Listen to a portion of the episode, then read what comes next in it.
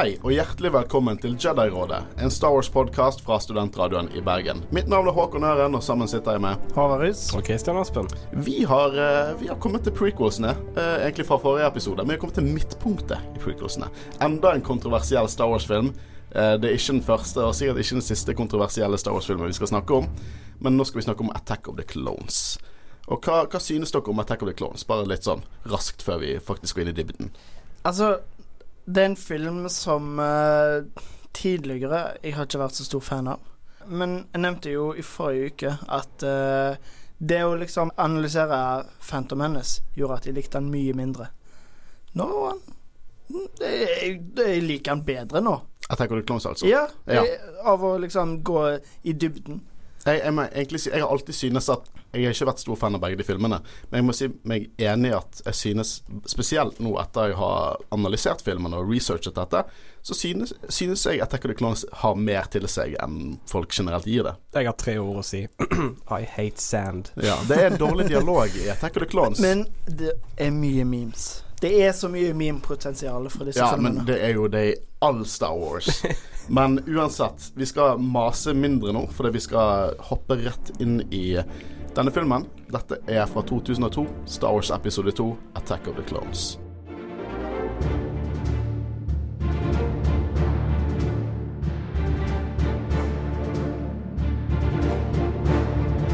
Igjen må jeg advare om at dette her er en spoiler-podkast, så hvis ikke du har sett filmene, så må du ta av nå. I don't like spoilers. It's coarse and rough, and it gets everywhere.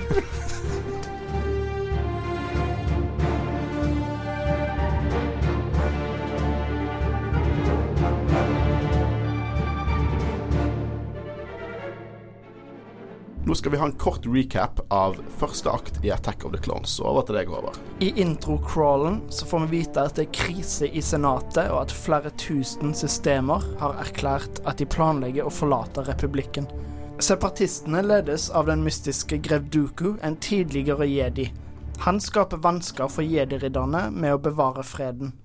Amidala er nå blitt en senator og ankommer Coruscant for å stemme over å danne en hær til republikken for å hjelpe jediene. Idet hun ankommer, blir skipet hennes sprengt, men heldigvis viser det seg å bare være en decoy, og hun er trygg. For at Amidala skal fortsette å være trygg, blir Obi-Wan Kenobi og Anakin Skywalker bedt om å være vakten hennes. De redder hun fra enda et attentatforsøk, og det ender i en jakt. Akkurat idet de skal til å få avslørt hvem som står bak, blir leiemorderen drept av en dusørjeger. Obi-Wan Kenobi prøver å finne ut hvem som ansatte dusørjegeren, og sporet leder til planeten Kamino, som er skjult i jedienes arkiv. I mellomtiden drar Anakin og Amidala tilbake til Naboo for å holde henne trygg der. Obi-Wan prøver å finne ut hvem som ansatte dusørjegeren, og sporet leder til planeten Kamino, som er fjerna fra jedienes arkiv. I mellomtiden drar Anakin og Amidala tilbake til Naboo, fordi der er hun helt trygg.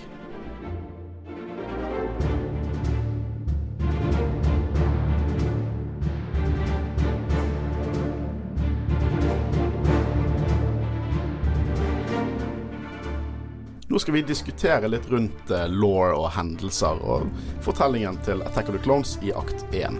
Eh, og noe vi glemte å si eh, i forrige episode under Phantom Menace, vi skal egentlig fortelle hvor denne historien er satt i forhold til originalfilmen A New Hope. Og Phantom Menace var satt eh, 32 år før slaget over Javin, altså slaget i slutten av episode 4. Dette er ti år senere enn det, så altså 22 år før slaget over Javin. I notatene mine står det at det er verdt å nevne. Så det er verdt å nevne. Det er jo det, fordi altså, hvis folk ikke har sett det før, så liksom tenker Jeg vet ikke hvorfor de hører på oss hvis ikke de har sett det før. Ja, ja, men da tenker de bare Å, Kim er han der Han unge mannen. Han har jeg ikke sett før, men det er faktisk Anakin Skywalker som er Han er vokst opp nå. Dette er prequels, ja. Ok, men introcrawl. Mer politiske intriger. Eh, og vi får vite at flere systemer har lyst å forlate republikken. Eh, og disse separatistene er ledet av en fyr som heter Count Dooku. Folk har ikke lyst til å være under denne regjeringen, og derfor vil republikken stemme for å lage en stor armé for å stoppe krig. Hva høres dette ut som?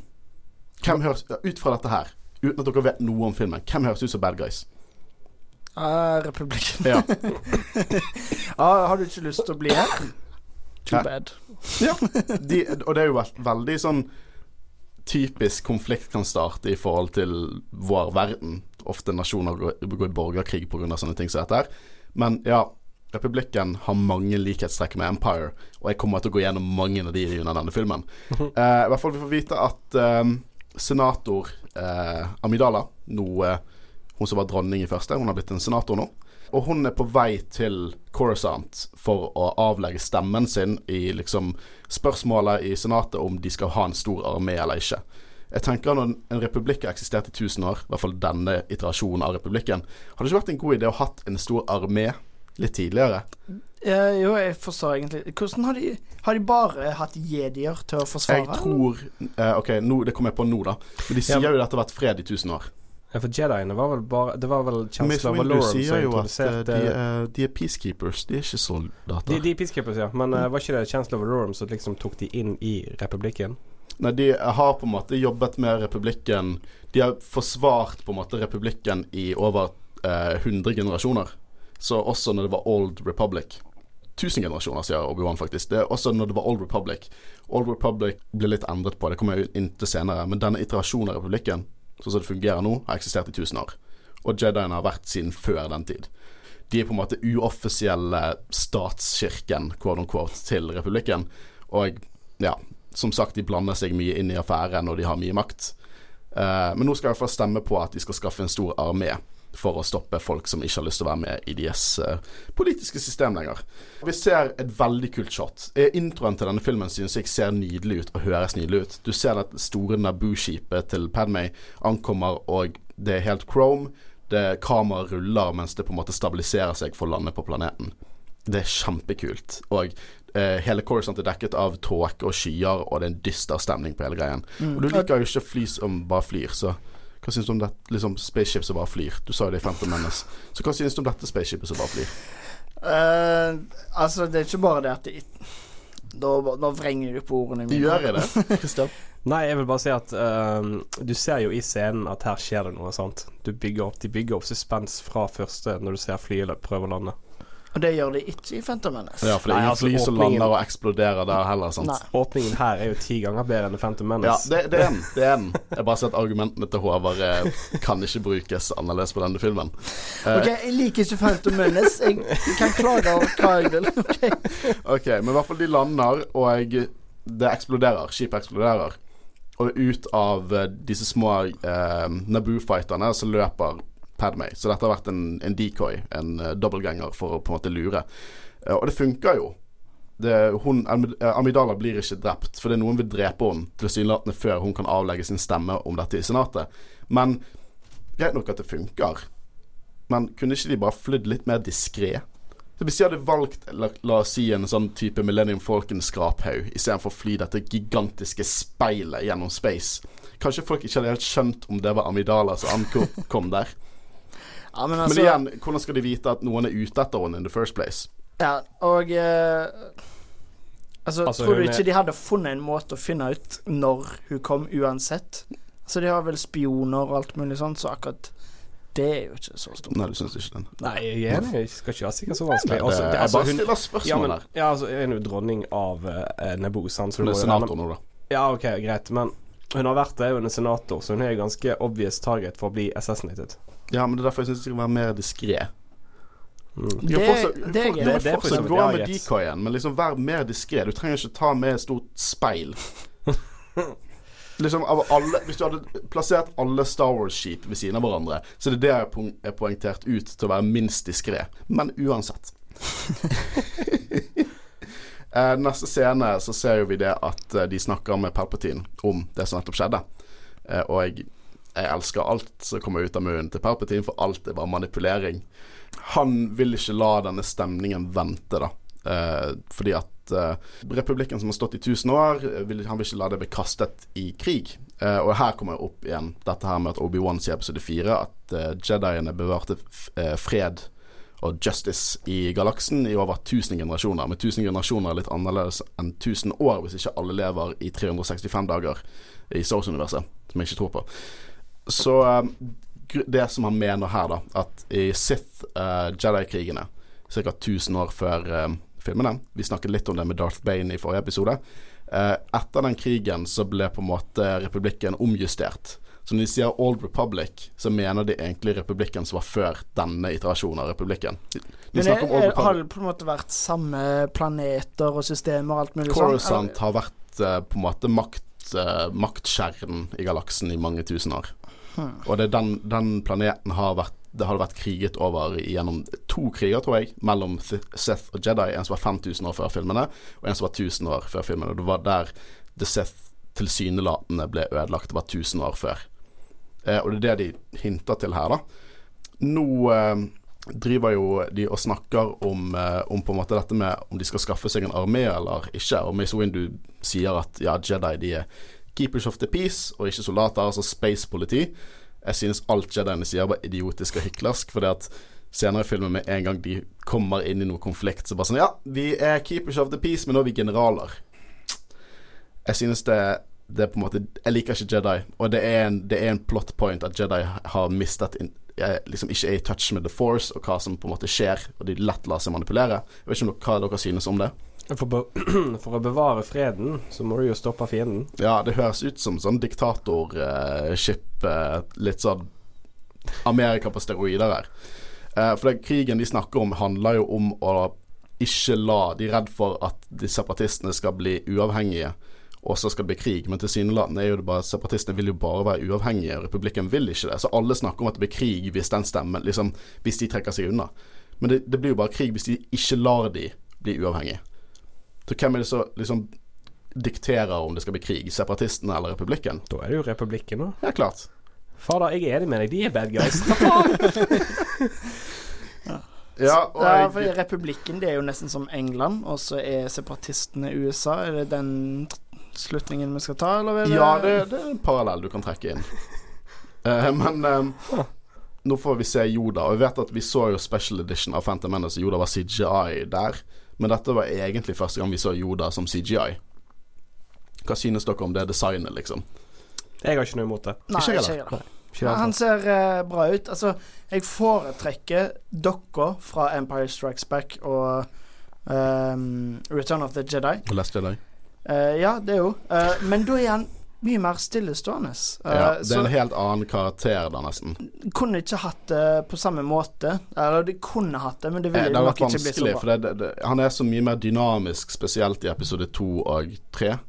Uh, så jeg Og pluss at de hadde mye effort i det. Liksom CGI-en Mange sier at ting ser veldig pent og liksom nesten for pent ut. Og ja, det kan jeg være enig med, men det ser fortsatt bra ut, syns jeg. Jeg, jeg. jeg kjøper at han er til stede der og snakker med folk. Ja, og det er ikke så mange år etter Phantom Menace, men du ser allerede nå at det er Altså, bare fem minutter inn i filmen, så ser du allerede at det er bedre kvalitet Ja, ja, på spesialeffektene enn Absolutt. tidligere. Padme er jo veldig han, Hun virker nesten mer bekymret enn alle andre. Alle andre tar litt sånn lett på at noen prøver å drepe henne. Og hun mener jo at Count Dooku står bak dette her. og jævla Mace Windu. Eh, for det, Count Dooku var en gang en Jedi, så det er ikke i personligheten. Han har, ikke, han har liksom ikke Det er ikke i menneskeheten hans at han kan drepe noen. Han har det ikke i seg. For det at ingen Jedis er livredde for noe som heter the dark side, og hva, som kan skje hvis de går til the dark side. Jeg, bare, jeg blir så irritert. Det er som Mace Windu bare legger en konklusjon. Han var en gang én gang. Han var en gang en Jedi, og nå kan han ikke drepe folk. Ja, altså eh, ehm, De gjør jo et poeng ut av at eh, Anakin At han er blitt så arrogant og selvsikker på seg sjøl. Og så sier Yoda at alle jediene er det. Mange er det, i hvert Mange fall. i hvert fall. Og det er jo så bra poeng, fordi de, de, jediene de skaper problemer for seg selv. gjør, de gjør det. De, eh, de tror på sin egen dømmekraft. De trekker konklusjoner uten Og når de får bevisene i fjeset, så trekker de konklusjoner som Mace Windu er jo 100 feil. Han tar helt feil her. Og jeg, jeg skjønner ikke det, for hele konseptet med the dark side Sånn tror de bare at Jedis ikke kan bli Sith. At de ikke kan bli dark Jedis. De, de er livredd for dark side of the force, og nå tror de at en person som ikke var lenger en Jedi, kanskje kan på en måte har, har gått inn i litt sånn dypere, mørkere ting. Men i hvert fall, det, det irriterer meg mye, og det, det irriterer meg liksom i universet. Jeg syns det er veldig kult at de viser at Jedi er arrogante og ignorante og alt dette her. Ja da, vi ble jo fortalt at de kan jo bli uh, ført eller uh, holdt på å si seduced to the dark side. Mm. Uh, men jeg vil jo argumentere litt for at uh, Count Dooku er litt på midten. Ja. At Det- han ikke er helt uh, dark side, og ikke Det er, Jedi. det er argumenter for og imot, føler jeg. Men det skal vi komme det- til senere. til ja, senere, når vi blir, ja. får han med inne. I hvert fall det som jeg tenkte litt på, det har jeg ikke tenkt på før. For at, eh, nå er jo det Palpatine som, eh, som insisterer på at eh, Padmé hun skal ha en, en bodyguard. Og han sier Hva med Obi-Wan? Og jeg eh, tror du at han, for det, nå har jo eh, Palpatine har jo vært en mentor til Anakin i mange år nå. Sammen med Obi-Wan. Han har lært han opp, tatt han med til Coruscant, sett rundt omkring. Lært han opp på sin egen måte. Og jeg tror du han senser eller innsikt på hvordan Anakin føler mot Padmay, og at han prøver å dytte de mot, mer mot hverandre for å så kunne bruke det senere. Eh, jeg tror eh, at eh, Palpatine har gjort mange tanker rundt det. Altså, jeg, han manipulerer. Han er veldig sikker på det, altså. Ja, for jeg, jeg er helt overbevist at han prøver faktisk Han prøver å wingmane på en litt mørkere måte enn Anakin her. Neste scene så får vi se Obi-Wan og Anakin Skywalker i en heis. Noe med en ny skuespiller som skal være litt eldre, Hayden Christiansen. Eh, mer om han senere. Eh, eh, ja, og Anakin eh, Alt han sier og på, kan liksom, Han oser mye mer Alec i nå enn han gjorde før. Det er virkelig, det virkelig merket at det har gått ti år. Og så Ja. digger vi skjegget. Nei, jeg digger mulleten. Ja, ja. Jedi mullet. det ser så fælt ut. Det ser så kult ut. Jeg har gjerne hatt en uh, mullet. Hva syns dere om dynamikken mellom disse to? Funker. Syns du den funker? Jeg syns de passer godt i lag. jeg. Synes det funker, men de har, de har ikke Jeg tror det, de funker med at de virker bare De virker ikke som gode venner, sånn som de forklarte det i New Hope. Men det er jo noe som vil endre seg. Men jeg merker at eh, dialogen er litt clunky. Jeg liker, jeg liker Ewan McGregor her, men Men der gir jeg skylden til George Lucas, som i Phantom Menace. Ja, ja. Jeg, jeg sier ikke det at Jeg sier ikke at Hayden Christensen er en dårlig skuespiller. Bare sier at skuespillet her, enten om det er Lucas sin feil eller hva, er ikke det beste. For han sier at han er superstresset og uh, får glede seg så sykt til å møte Padmay. Men det eneste som forteller meg at han er stresset, er at han er våt i fjeset. Han sier han svetter. Han sier alt dette her, men jeg kjøper det ikke. Men han er jo helt klart stresset over å møte Padmay, og han har tenkt på henne så mye. Er ikke dette et lite rødt flagg, Kenobi? Eh, og så tenker jeg liksom det at Jeg kommer tilbake til det senere. Det er mer om The Jedi Code. Jeg må komme tilbake til det senere. Og jeg nå møter jo Anakin Padmay, eller møter også vår kjære, gode venn uh, Jar Jar Binks. Hey. Han er ikke så mye med i denne filmen. Takk for pris. Ok, Når Anakin snakker med Padmay Jeg blir så ukomfortabel. Blir, de, for han prøver Hva er det han sier? At uh, Hun sier at han har vokst, og, hun, og han sier at uh, Ja, du har, du har vokst deg fin, mener jeg. Et eller annet sånt shit. Og så sier Padmay Å, du vil alltid være den lille gutten jeg kjente fra Tatooine. Ja, for uh, Padmay var 14 i uh, Phantom Menace. Hvor gammel er hun her, og hvor gammel er Anakin her? Uh, jeg tror Anakin er sen tenåring, så nesten 20. Ok. Det, det, ikke siter meg på det, men jeg er ganske sikker på at han er sånn 19, kanskje. Ja. Ja, i hvert fall Det er jo bare ti år frem, så det vil si Padmay 24, da. Ja, ja, ja. Det er ikke så gale. Nei. og de driver og setter seg ned og så snakker de om alt dette med, med, med de som har prøvd å drepe Padmay, og prøver å på en måte planlegge litt, da. Og få vite liksom hele bildet. Nå blir på en måte Anakin blir veldig intens. Sånn Ja ja, han vil beskytte henne, men han vil beskytte henne litt for mye, syns jeg. Så han begynner å på en måte si Jeg lover deg at ingenting skal skje, vi skal finne denne jævel som prøver å drepe deg. Og så blir Obi-Wan litt sånn frustrert over at han tar så mye kontroll, virker det som.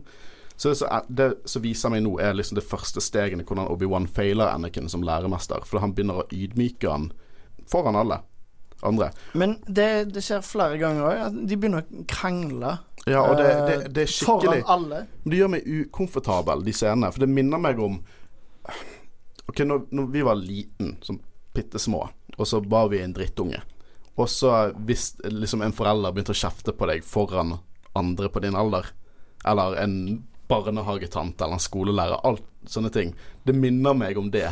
Så jeg ble skikkelig ukomfortabel. For jeg, jeg, jeg klar, taklet ikke når jeg fikk kjeft av uh, min mor foran andre folk som var på min alder. Jeg ble så jævlig flau. Og det, der, der sympatiserer jeg veldig med Anakin. Anakin sier mye lurt her, egentlig. Eh, Og eh, han stiller spørsmål til mentaliteten til Obi-Wan i hvordan de skal beskytte Padmay. Og det er igjen her jeg mener dette er Obi-Wan C-studenten som prøver å lære opp Anakin A-studenten. Og Jar Jar er der. Det var notatene mine. uh, Da får vi du deg ekstra trygg. Ja, ja. Men han, han er ikke så gal i denne filmen. Nei, nei, Det er ingenting med Jar Jar som plager meg i denne filmen. Nei, han jo- ærlig. Det er én ting som plager meg skikkelig, det kommer vi tilbake til, men uh, når, jeg, han, vet, jeg tror jeg vet hva du snakker om. når han skal snakke foran senatet Ikke, det må vi ta Det senere. må vi ta senere, for det er en av de Han er nøkkelrolle i denne filmen. Å, han er nøkkel. Han er Han faktisk er nøkkel. nøkkel. Så uh, George Lucas hadde på en måte rett Han er viktig for plottet i Han denne er- filmen. han er Han er så vidt med, men han er viktig for plottet. uh, nå får vi se, kutter vi over til at vi ser litt sånn veldig kul annen del av Coruscant. Det ser nesten litt ut som sånn Blade Runner, eh, Space Vegas. Og du ser at eh, en bounty hunter, en kvinnelig bounty hunter som heter Sam Wazell, eh, får, eh, får gitt to sånne beholdere med noe levende oppi. Og silhuetten som snakker til henne og gir hun ordre, har silhuetten til Bobafett Hvem er dette? Det er veldig kult. Jeg liker alt dette her. Eh, Jeg liker veldig godt liksom dusørjegerelementer i Star Wars, syns jeg er dritkult. Mm, og denne filmen har jo flere ting som er mer sånn underverden av Star Wars, og eh, litt sånn mørkere, og liksom ikke bare det der jedi Mm. ond mot god, men det er Igjen, det kjempemye. prequelsene gjør kjempebra, er worldbuilding. Mm. uh, og jeg, eh, så langt så er jeg veldig positiv til denne filmen, til tross for den kleine dialogen mellom Anakin og Padmay. Så langt i filmen så er jeg ganske optimistisk. Jeg liker veldig godt underverdenen, som du sier, og mystikken rundt hva som skjer her. Nå hopper vi tilbake igjen til at Anakin og Obi-Wan De er i leiligheten til Padmay. Hun sover, de passer på. Og hun har eh, dekket til kameraene på rommet sitt. Eh, og Anakin sier at for en eller annen grunn så tror han at hun ikke likte at han så på henne. No shit! Ja, han er så ekkel i denne filmen. Han er så creepy. Han er tenåring. Jeg var ikke så ekkel når jeg var tenåring. er du sikker på det? Du Men, tenker, du eh, tenker dypt nå tilbake. Det viser seg at hun er agn, da. At det var hennes idé. Eh, og jeg, jeg føler ofte at Obi-Wan viser sånn sjalusi over evnene til Anakin. Spesielt senere. Det, det er litt snakk om at Anakin har drevet og savnet Drømt om moren sin og heller drømmer om Padme, At det er berusende å være i nærheten hennes i en røde jævla flagg. Man begynner i hvert fall å snakke litt etter at uh, du må ikke følge etter. Husk at du har ansvar for Jedi Order, du kan bli kastet ut. Men igjen, la meg stille dere det spørsmålet, for det er med Jedi Code. Du skal ikke ha knyttelse, du skal ikke elske, du skal alt dette her. Ingen, du skal ikke eie noe. Men Anakin er tilsynelatende the chosen one, og er mektigste med kraften på papiret av alle andre. Hva, hva skal de gjøre, da? Så han går og gjør sin ting med Padmay, kommer tilbake, og de bare sånn Ja, du får ikke lov til å være her lenger. Og så kan en bare en random Sith Lord plukke han opp. Eller så kanskje kan han bare bli dark side for det er masse ondt har skjedd med han. Jeg føler at egentlig har Anakin alle liksom Han har all makten her. Han kan egentlig gjøre som han vil. For hva faen skal de gjøre? Bare ikke trene opp til Chosen One fordi at han kysset en dame? Er det det som skjer? Du er inne på noe. Ja.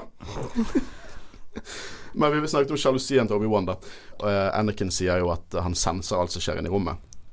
R2 er der for å passe på, altså. Uh, og uh, så sier Obi-Wan ja, men kanskje dine force-evner ikke er helt like innstilt. Og så sier, sier Anakin og dine er? Og så er det sånn Kanskje? og så ender det med at, de, at eh, den droiden som holder disse der eh, levende beholderne, som er sånn space slugs, giftige space slugs, er på rommet nå, for droiden har fått det bort til rommet hennes. Og så merker jo Anakin det, og bare sånn snur seg og løper mot rommet. Og så sier Obi-Wan før han får løpt opp, opp til rommet I sense it too. Jeg ville bare være Jeg ville vite Jeg ville bare bekrefte at han nå Jeg ville vise at han nå kunne det. Ja, for at, han er like god som studenten sin. Han Obi-Wan, du senset ikke shit. Ok, nå er det speedo-chasen. Hva syns dere om speedo-chasen? Awesome. Dritfett. Jeg vet ikke om du er ironisk. Nei, jeg er ikke ironisk i det hele tatt. Jeg syns faktisk han er ganske kul. Spesielt når han eh, dropper ut av den og bare hopper på eh, den andre.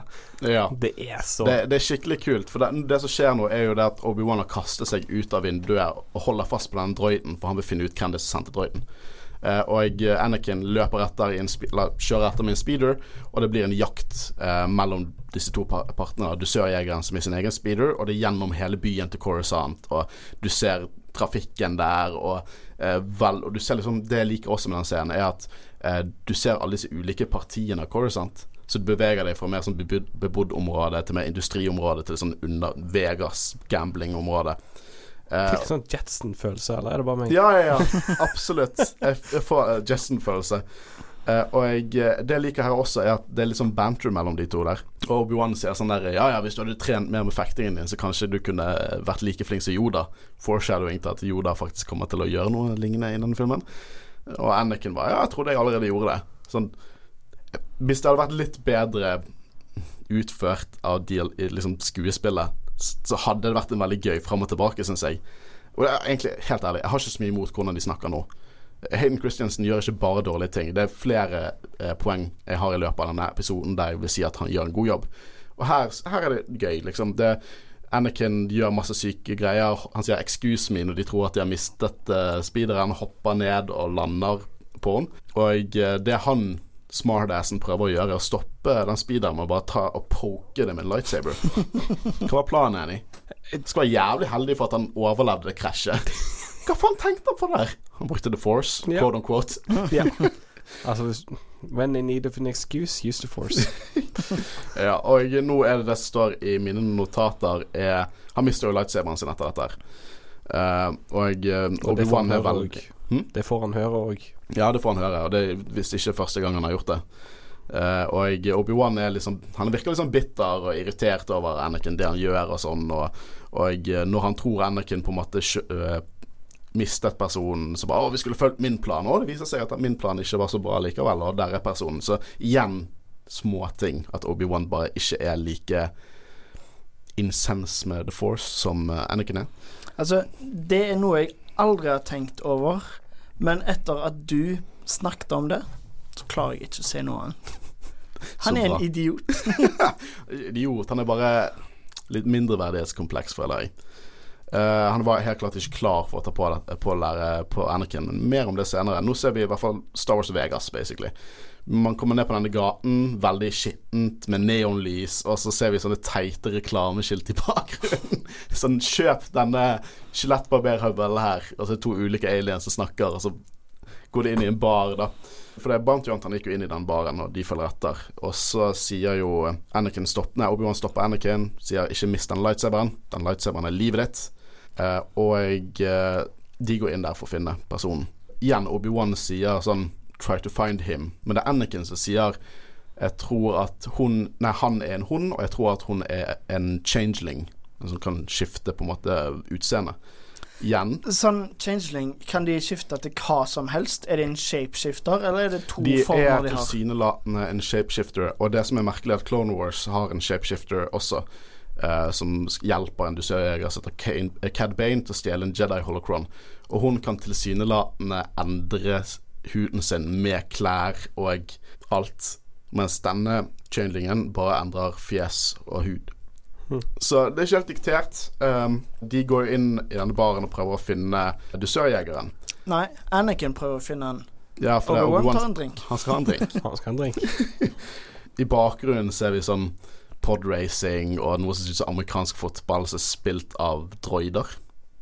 Og jeg liker ikke det. Og dette er nitpic. Det, dette ødelegger ikke noe for meg, men det er bare det er en ting i, i Star Wars-universet at det er noe som er helt identisk til amerikansk fotball, men det er spilt av droids. Så hvordan i helvete skal du på en måte gamble eller noe shit på det?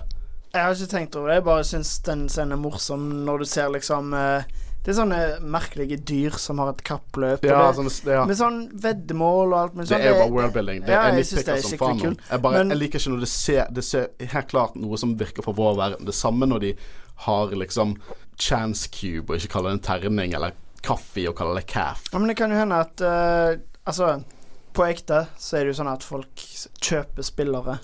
Så det kan jo hende at Kjøper drøyder. Nei, men altså, det kan hende at uh, det er ikke en samlebåndsdroid. At det er masseprodusert, er litt men at det er sånn mer sånn de at de bygger de, sine de egne. robotene som slåss i sånne arenaer, så de lager sånn uh, Robot Wars. Ja, ja. Uh, nå får vi se den gøyeste humoren, etter min mening, fra prequel-trilogien. Death sticks. Ja. Så det kommer ut eh, kommer en drug dealer, skal selge death sticks til Obi-Wan. Og så tar Obi-Wan og får, eh, liksom mindtricker han til å tenke over sitt liv og gå hjem og på en måte komme på bedre spor. You don't want to sell me death sticks. I don't want to sell you death sticks. Jeg elsker det. Syns det er kjempegøy. Og at eh, episode fire er ikke første gang Obi-Wan kutter av en arm i en bar. Nei. Nei. Ha. Han har perfeksjonert kunsten av å kutte av lemmer i barer i en episode fire. For det er akkurat det samme skjer her. Du ser jegeren kommer med en blaster til ryggen på Obi-Wan. Han snur seg, kutter av armen hennes. Nå jo, drar jo de eh, dusørjegeren ut av baren. Og dette syns jeg var veldig kult når jeg var liten. For det Anakin sier Bare fortsett med drinkene deres. Dette er Jedi business. Jeg syns det var kjempekult. Som om de var sånn hemmelige agenter eller FBI-agenter. Men de er jo på en måte det òg, Ja, de er jo det.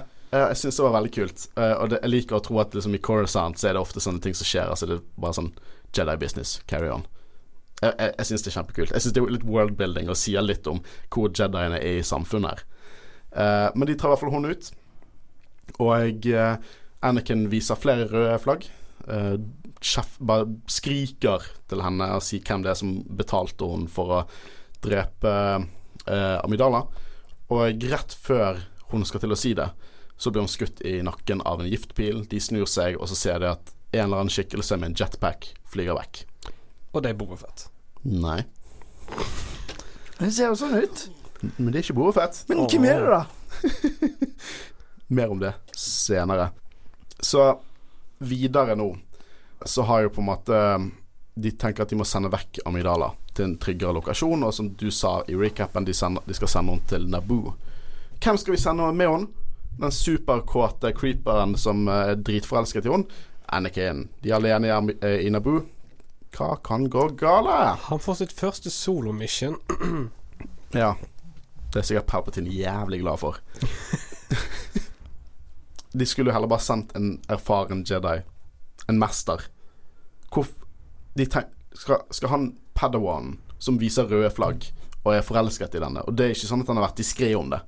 Skal de sende han istedenfor Send nå en eller annen. En mester. En etablert kald jævel. Men da, som- da hadde ikke de etablert et forhold, og da hadde ikke det blitt noe Luke in Leia osv. Ja, men nå prøver vi å se- tenke in universe her. Det viser bare Jedien er så Bare ignorerer de røde flagg. Jeg, jeg skjønner det ikke. Jeg sier fargeblind. Kanskje de blir manipulert. Men jeg liker i hvert fall dialogen mellom Jeg liker det, alt Palpatine sier til Anakin. Det er virkelig han pusher for på. der er det noe jeg liker med disse filmene, Ja. er at kjemien mellom Anakin, Hayden Christensen og Ian McDermott, som spiller Palpatine, er Mhm. ekstremt god. Ja. Og alt han sier, er bare på å dytte han videre. Og jeg senser du kommer til å bli den mektigste jedien, og endelig har fått deg et oppdrag, du beveger deg opp i rangstigen. Og ja, det, det er bare Han har klørne i han. Han er, i, han er på en måte Han er mer en mentor enn Obi-Wan er for han. For det at, greit nok, når Anakin er med, med Obi-Wan, er han som på en måte en, en hund som bare holder kjeft og liksom har hodet nede og halen nede, men han blir motivert av Palpatine. The Jedi knuser ned, ydmyker han, eh, sier han ikke er klar til noe, jeg stoler ikke på han, men Palpatine er der. Som en, liksom Tilsynelatende virker Palpatine som en god forelder. Og det er det som er på en måte nøkkelen der, og det er så kult. Og det viser hvordan Obi-Wan feilet, mens Palpatine gjorde det han eh, gikk ut for å gjøre. Nå er jo denne samtalen som du hintet til senere, der at Obi-Wan snakker med Yoda og, eh, og Mace Windu. Og han er litt bekymret over Anakin etter de har sendt han alene til Naboo for å være med Padmé.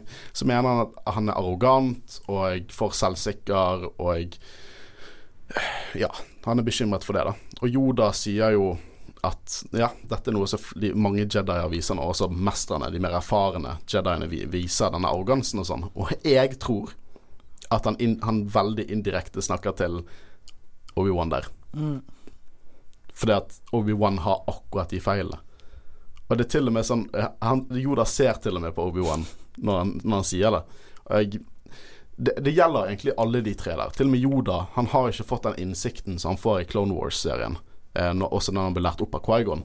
Så jeg tror Yoda er ganske på Jedi-nivå her også. Nå er det Padmay som gir over sin makt til Jar Jar. Jar Jar blir representanten til eh, Padmay i senatet. Hva syns dere om dette? Det må finnes noen bedre enn han. Han, hva er han?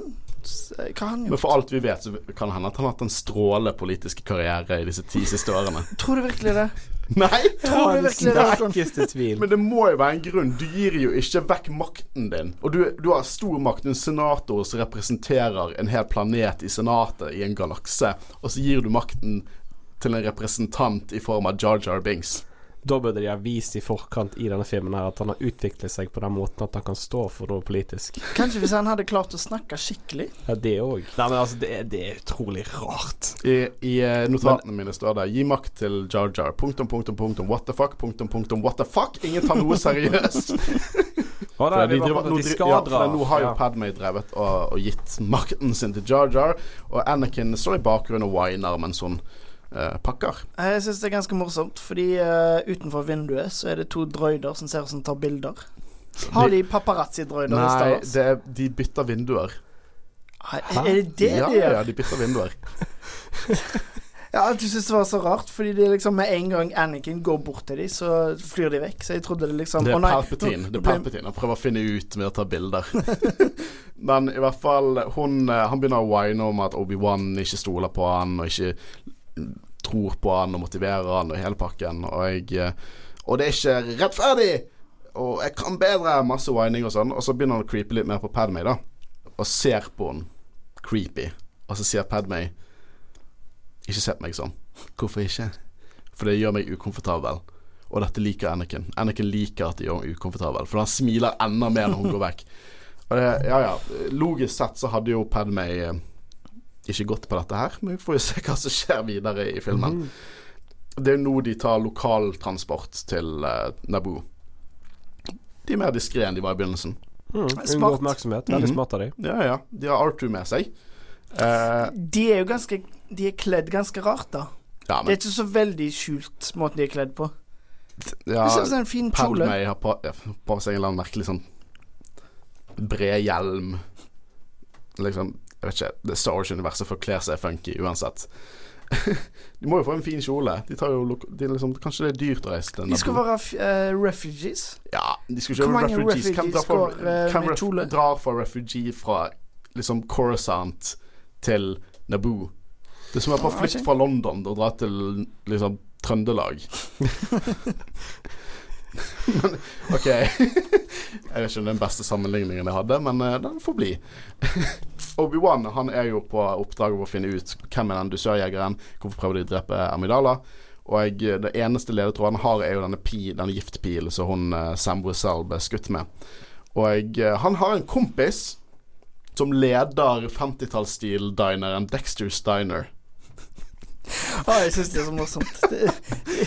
Det, det kom bare ut av det blå, men Hvorfor er det eh, en 50-tallsbar i Star Wars-universet? nei, 50-tallet er populært overalt, det, vet du. Men i hvert fall, denne, denne giftpilen Den er et design som kommer fra en planet som heter Camino. Og de som, le, de som styrer Camino, er kjente klonere. Og det jeg lurer på her, da Tror du Palpatine Det er en del av planen at At Jango Fett skulle bruke liksom verktøy som han fikk på den planeten, for å skape ledetråder. For at han vil Palpatine vil jo at Obi-Wan skal finne ut om klonene.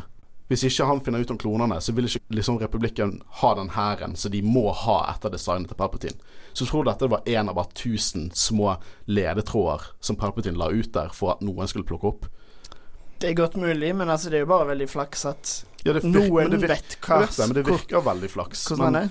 eh, jeg føler det at som Palpatine le legger ut tusen bitte små ledetråder og bare venter til en av de blir tatt opp. Og dette var en av de.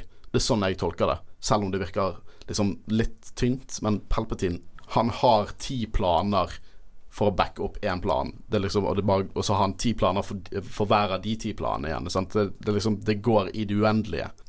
Men i hvert fall, det er det som er litt min logikk da på hvordan Obi-Wan finner det. Palpatine vil at de skal finne det. Og nå kommer en veldig gøy eh, dialog for Ewan McGregor her. En dialog som debunker alt jeg har argumentert for i forhold til droider og slavehandel.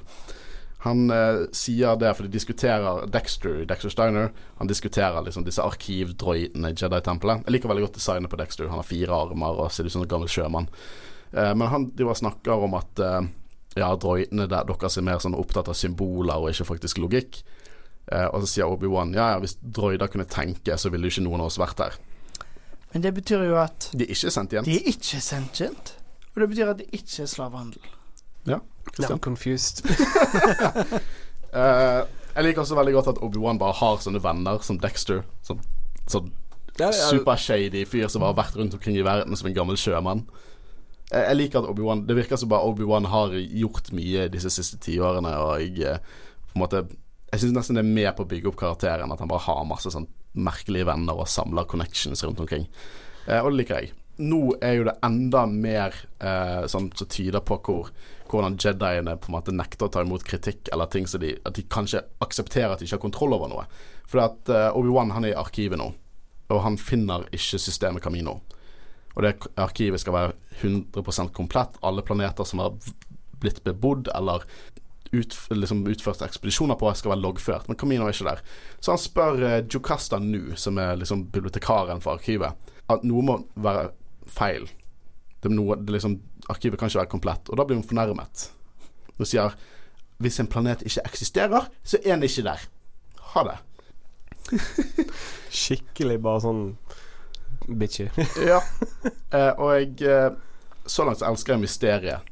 Jeg elsker oppbyggingen mot mysteriet. Obi-Wan sin storyline her synes jeg er kjempekul. Det er som en space detective noir-fortelling i Star Wars-universet. Det er dritkult hvordan han eh, finner, skal finne endelig Camino, altså så Camino ikke i systemet. Dritkult. Men jeg har lyst til å snakke litt mer om Jocasta Nu, som er hun bibliotekaren. For hun har en mye større rolle i hele sagaen enn det man skulle tro. For det at i Darth Vader-komikerne, Darth Vader Lords of the Sith, som er satt mellom episode 3 og 4, eh, så vises det seg at hun, hun overlevde Order 66, som er på en måte i episode 3, når alle Jediene ble drept. Fordi er hun en Jedi, Hun er en Jedi. Hun er det, ja. okay. Eh, hun er på en måte en som er Hun er ikke nødvendigvis den flinkeste fighteren, men hun har mye kunnskap om Jedi, og hun har force powers og lightsaber i hele pakken. Hun, etter Empire kom til makten, Jedi er vekke, så prøver hun å kopiere alle Jedi holocrons. Jedi holocron er på en måte et sted, eh, en krystall-thingy som Jedi kan ha informasjon i. Det er så å si en USB-pinn i Star Wars-universet, der du kan ha lærdom og visdom og Jedi-informasjon i, og du må bruke force powers for å åpne det. Hun drar på en øde planet og prøver manuelt eh, kopiere så mange hun kan. Hun drar også tilbake igjen til Coruscant under skjul for å oppnå noe. Dere bør lese. Vi kan vi dekker faktisk historien senere. Men hun drar tilbake igjen til Coruscant mens Empire er i makten, og Darth Vader eh, dreper henne i en veldig kul kamp.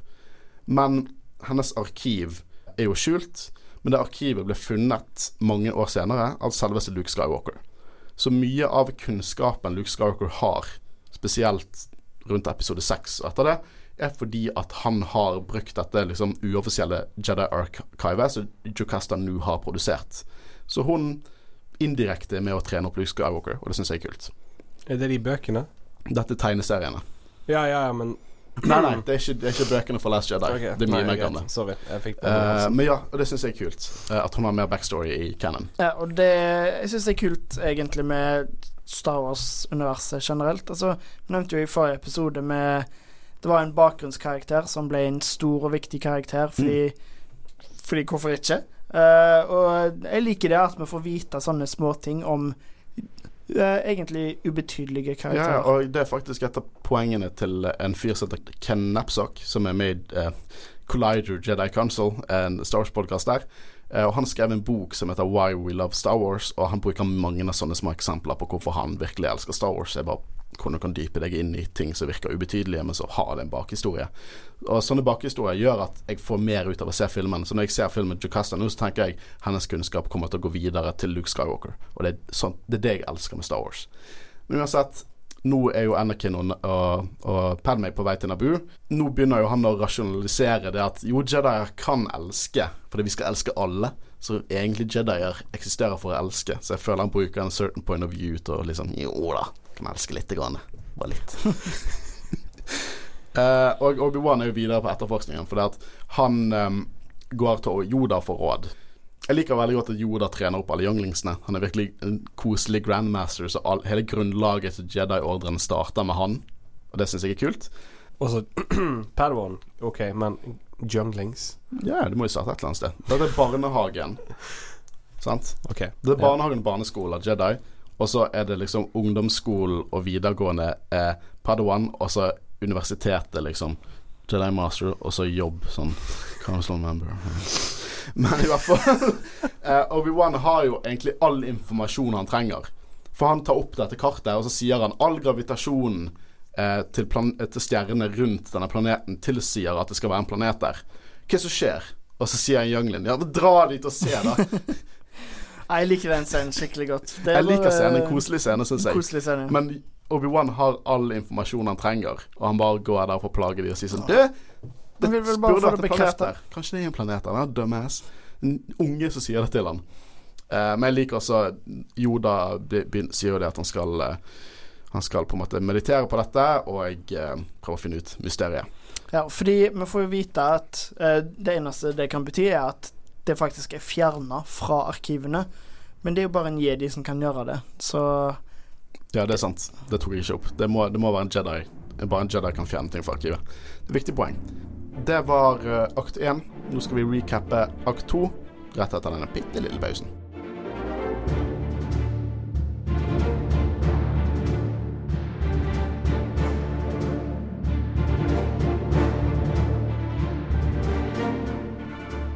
Nå skal vi ta og recappe akt to av Attack of the Clones. Padmay og Anakin har nå ankommet Naboo for å snakke med den nye dronningen. Det blir diskutert om krig er en stor mulighet.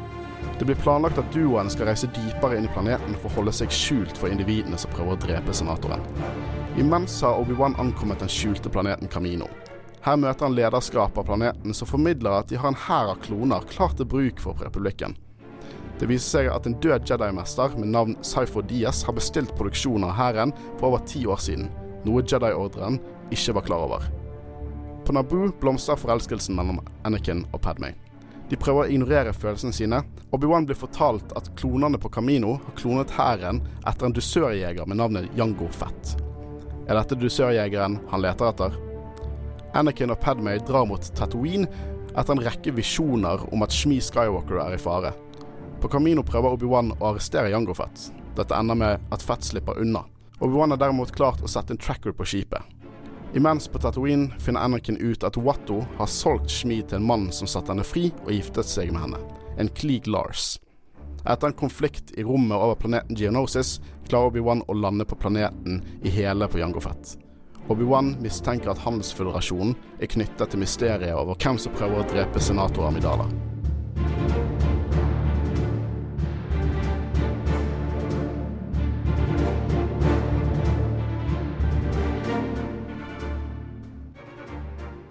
Nå skal vi dypere diskutere akt to av Attack of the Clones.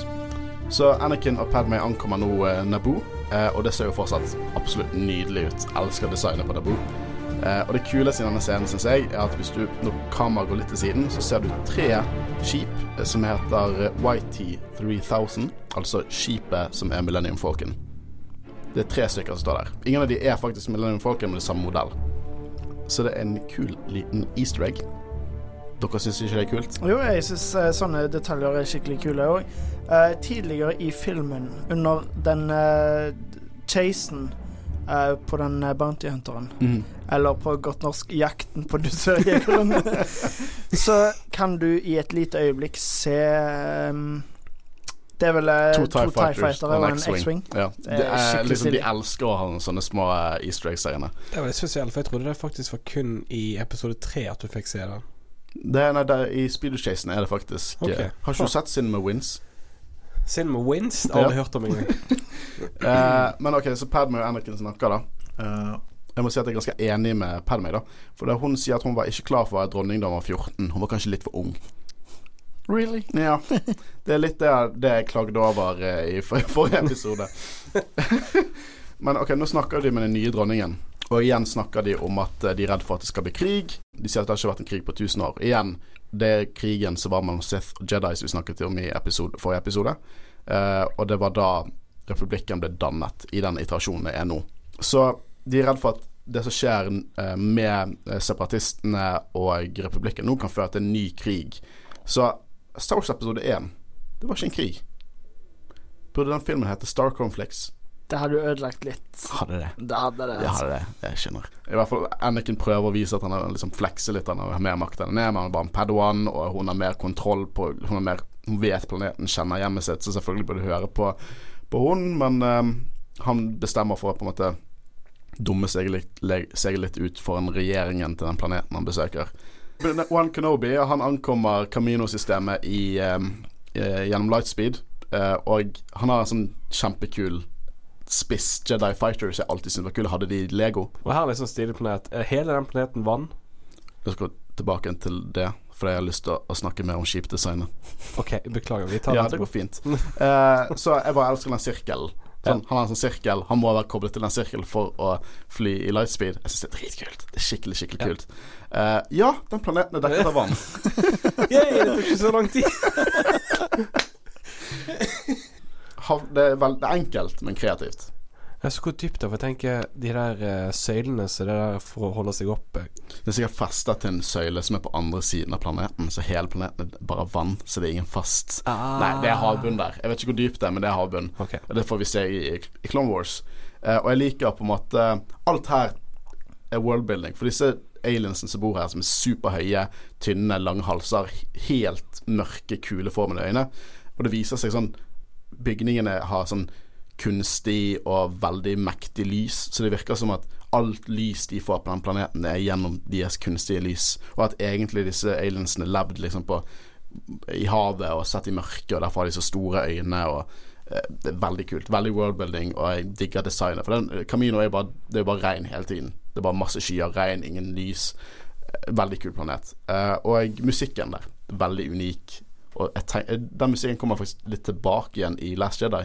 Noen toner fra den musikken. Det syns jeg er veldig kult. Det vi ser videre nå, er jo den diskusjonen, for at Obi-Wan han møter eh, Han møter statsministeren av Camino. Og eh, statsministeren bare sånn begynner å snakke om at ja, ja, nå har jo vi eh, et par, hundre, par tusen klare nå, og så kommer det Neste batch kommer snart. Og eh, Obi-Wan sånn Han vet jo ingenting om dette, så han er litt sånn Ja, ja, bra. Eh, hva er det vi har bestilt, egentlig? Men ok, så det viser jo seg nå at Sypho Diaz, som er en Jedi, uh, han har bestilt denne klonearmeen fra kaminoene uh, uten at Jedi-ordren visste noe. Uh, og her kommer en liten law-dump til dere for, om Sypho Diaz. Så han satt på rådet en tid før episode 1, og han hadde en spesifikk evne. Mange Jedi har litt sånn unike evner. Uh, eksempel i Rebels ser vi at hovedpersonen der klarer å kommunisere med dyr. Men Sypho Diaz han hadde evnen til å se inn i fremtiden og få visjoner for fremtiden. Og han så en visjon om en krig som herjet gjennom galaksen. Og derfor fant han ut at vi må ha en armé til den tiden for å stoppe det. Så det er faktisk Cypher Diaz som bestilte det? Ja. Jeg har alltid tenkt at det var Fordi vi får jo vite at Cypher Diaz, han er død. Så jeg har alltid tenkt at det var bare Palpatine som bare sa Å ja, ja, men da kan jeg bruke navnet hans. Nei, det er faktisk han som bestilte det, men det er mer til historien. da Så han gikk imot ordrene til Jediene, Jediene, og han ble kastet ut av rådet pga. de uh, ideene han hadde som de mente var bare helt eh, galskap. Eh, men han avtalte i skjul med Camino at de skulle produsere en klone her for republikken igjen for å være klar for denne store konflikten som skulle komme. Seth er ganske sånn de, de, de, vet når de har en mulighet til å på en måte blande seg med noe, for de fant ut av dette her. Og det som skjedde da, var jo at de så å si bare tok over hele prosjektet. De drepte Cypher Diaz, og de bestilte klonehæren og eh, på en måte betalte for han, og de hadde, og de hadde da planer om å implementere Diaz attributter av disse klonene, mens klonene skulle være hos republikken, noe vi får se mer om i episode tre. Ironisk nok så frykten til Cypher Diaz førte jo til at han produserte en hær for The Bad Guys. I hans liksom måte på å bekjempe skjebnen, så bare hjalp han skjebnen komme. Eh, så det er han som bestilte, men Palpatine og eh, daværende apprentice Jeg lurer på Maul var faktisk apprenticen hans på den tiden. Bare kapret hele greiene og jeg tok det over. Så de der, ja, Palpatine har jo masse planer og shit, men my mye har på en måte vært litt sånn Yeah, that, that's a freebie. og Det forklarer jo også det at eh, klonene de kan tenke kreativt og er bedre enn droider. Langt bedre. Det er liksom det er ikke sammenlignbart. Men igjen, det er mye færre kloner enn det er droider. Så det er sånn det balanseres, da. Mye færre kloner enn det er droider. Nå får vi på en måte se at Anakin Nei, Obi-Wan blir vist klonearmeen av statsministeren av Camino, og jeg elsker musikken. Det minner veldig om Imperial March uten å være det helt direkte. eh, og du ser liksom klonene som står og jeg, i rustningene sine og trener og hele pakken. Og jeg, jeg elsker også disse klonene. Jeg syns designet ser dritkult ut. Og jeg, det er noe worldbuilding her, da. For Caminoene er jo De ser jo ikke De har jo ikke anatomien til mennesker i det hele tatt. De ser De er kanskje to meter høye, minst. Syltynne, lange halser. Og de har designet rustningene. Så rustningene i denne filmen, som kommer til å endre seg til episode tre, er designet av de, og de skjønner ikke seg helt på menneskelig anatomi. Så klonene er veldig sånn ukomfortable i rustningene de har laget. F.eks. For, for, for tynn, på en måte. Det er vanskelig å få hjelmen på hodet og ta den av etterpå. Og alt dette fordi Caminoen har designet det, og de tenker ikke på liksom, hvordan klonene fungerer. Og det er en kul liten tidbit. Det er derfor de ser litt sånn clunky ut til tider. Også fordi de er CGI, de kanskje litt clunky da. Akkurat det syns jeg er skikkelig synd, fordi uh, så vidt jeg har hørt, så er det ingen kloner. Ingen det finnes Gjelder ikke. det i bare Nei, prequel? i hele prequelsene det finnes ikke en eneste fysisk pro, eh, brukt prop av klonerustningen. Det er synd. Det er synd, ja. Men igjen, CGI-en ser ikke så gal ut. Det gjør ikke det. Eh, de skal ha det. Men jeg Det er akkurat eh, På Camino er det Det er egentlig her det er verst eh, CGI gjennom hele filmen. Du syns det, ja? Ja, fordi det er, det er nok mye med det at det er så mye vann, og at eh, teknologien ikke var like bra på f.eks. andre ting som ikke hadde så mye bevegelse. Jeg har eh, en CGI-moment jeg syns er verre, men det kan vi komme tilbake til senere. Men jeg må gå inn på en ting. For det er jo helt klart foreshadowing til Stormtroopers. Clone Troopers er foreshadowing til Stormtroopers and Empire. Klonesoldater, klonetropper, whatever you call them, er ikke Stormtroopers. De har aldri vært Stormtroopers. Stormtrooperne vi ser i Rogue One i episode 4, alt det, ingen av de er kloner. De er mennesker som, er, som har liksom joinet Empire. I Solo ser vi også at det er rekrutteringsstasjoner for mennesker. For deal var det at kloner de lever De vokser opp dobbelt så fort. Palpatine stolte ikke helt på det å ha en klonearmé etter at han tok over. Så ingen av de klonene fra episode to og tre er i originaltrilogien? Uh, nei, ingen av de som er der. De at når Repub Jo, det republikken ble til Empire, så blar selvfølgelig klonetroppene eh, De var Noen av de var Stormtroopers etter hvert. Vet, dere vet Purge Troopers, som skal være med i Jedi Fall Order. De som jakter Jedi.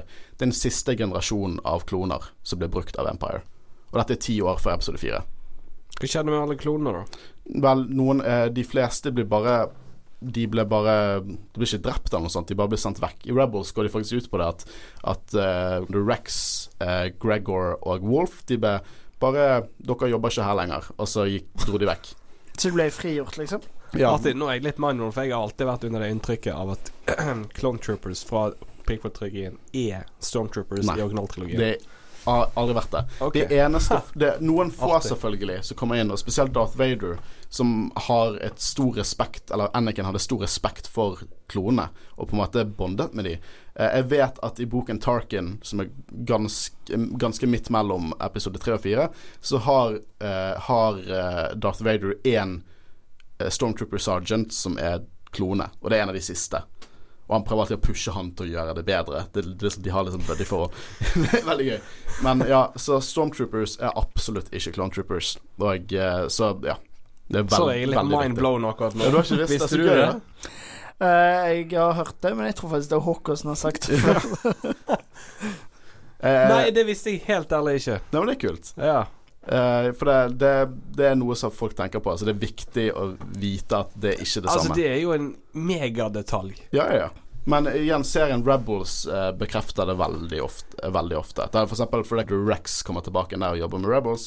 Og han driver og kritiserer Stormtrooperne fordi de ikke er like bra som Clone Troopers. Aha. Som er en Ja, jeg er ganske enig i at de kanskje ikke er I hvert fall ikke like effektive.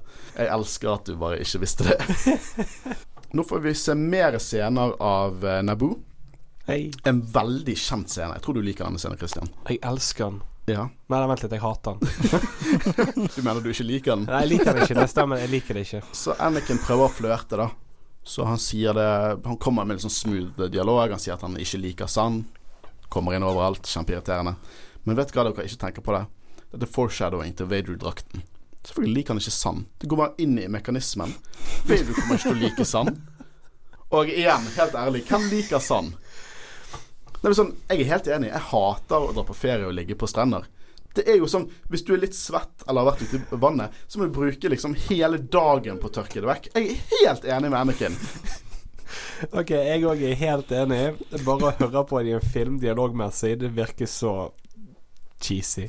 Ja, det er super cheesy. Han, dette går jo med at han sier sånn Og det er ikke sånn som det her.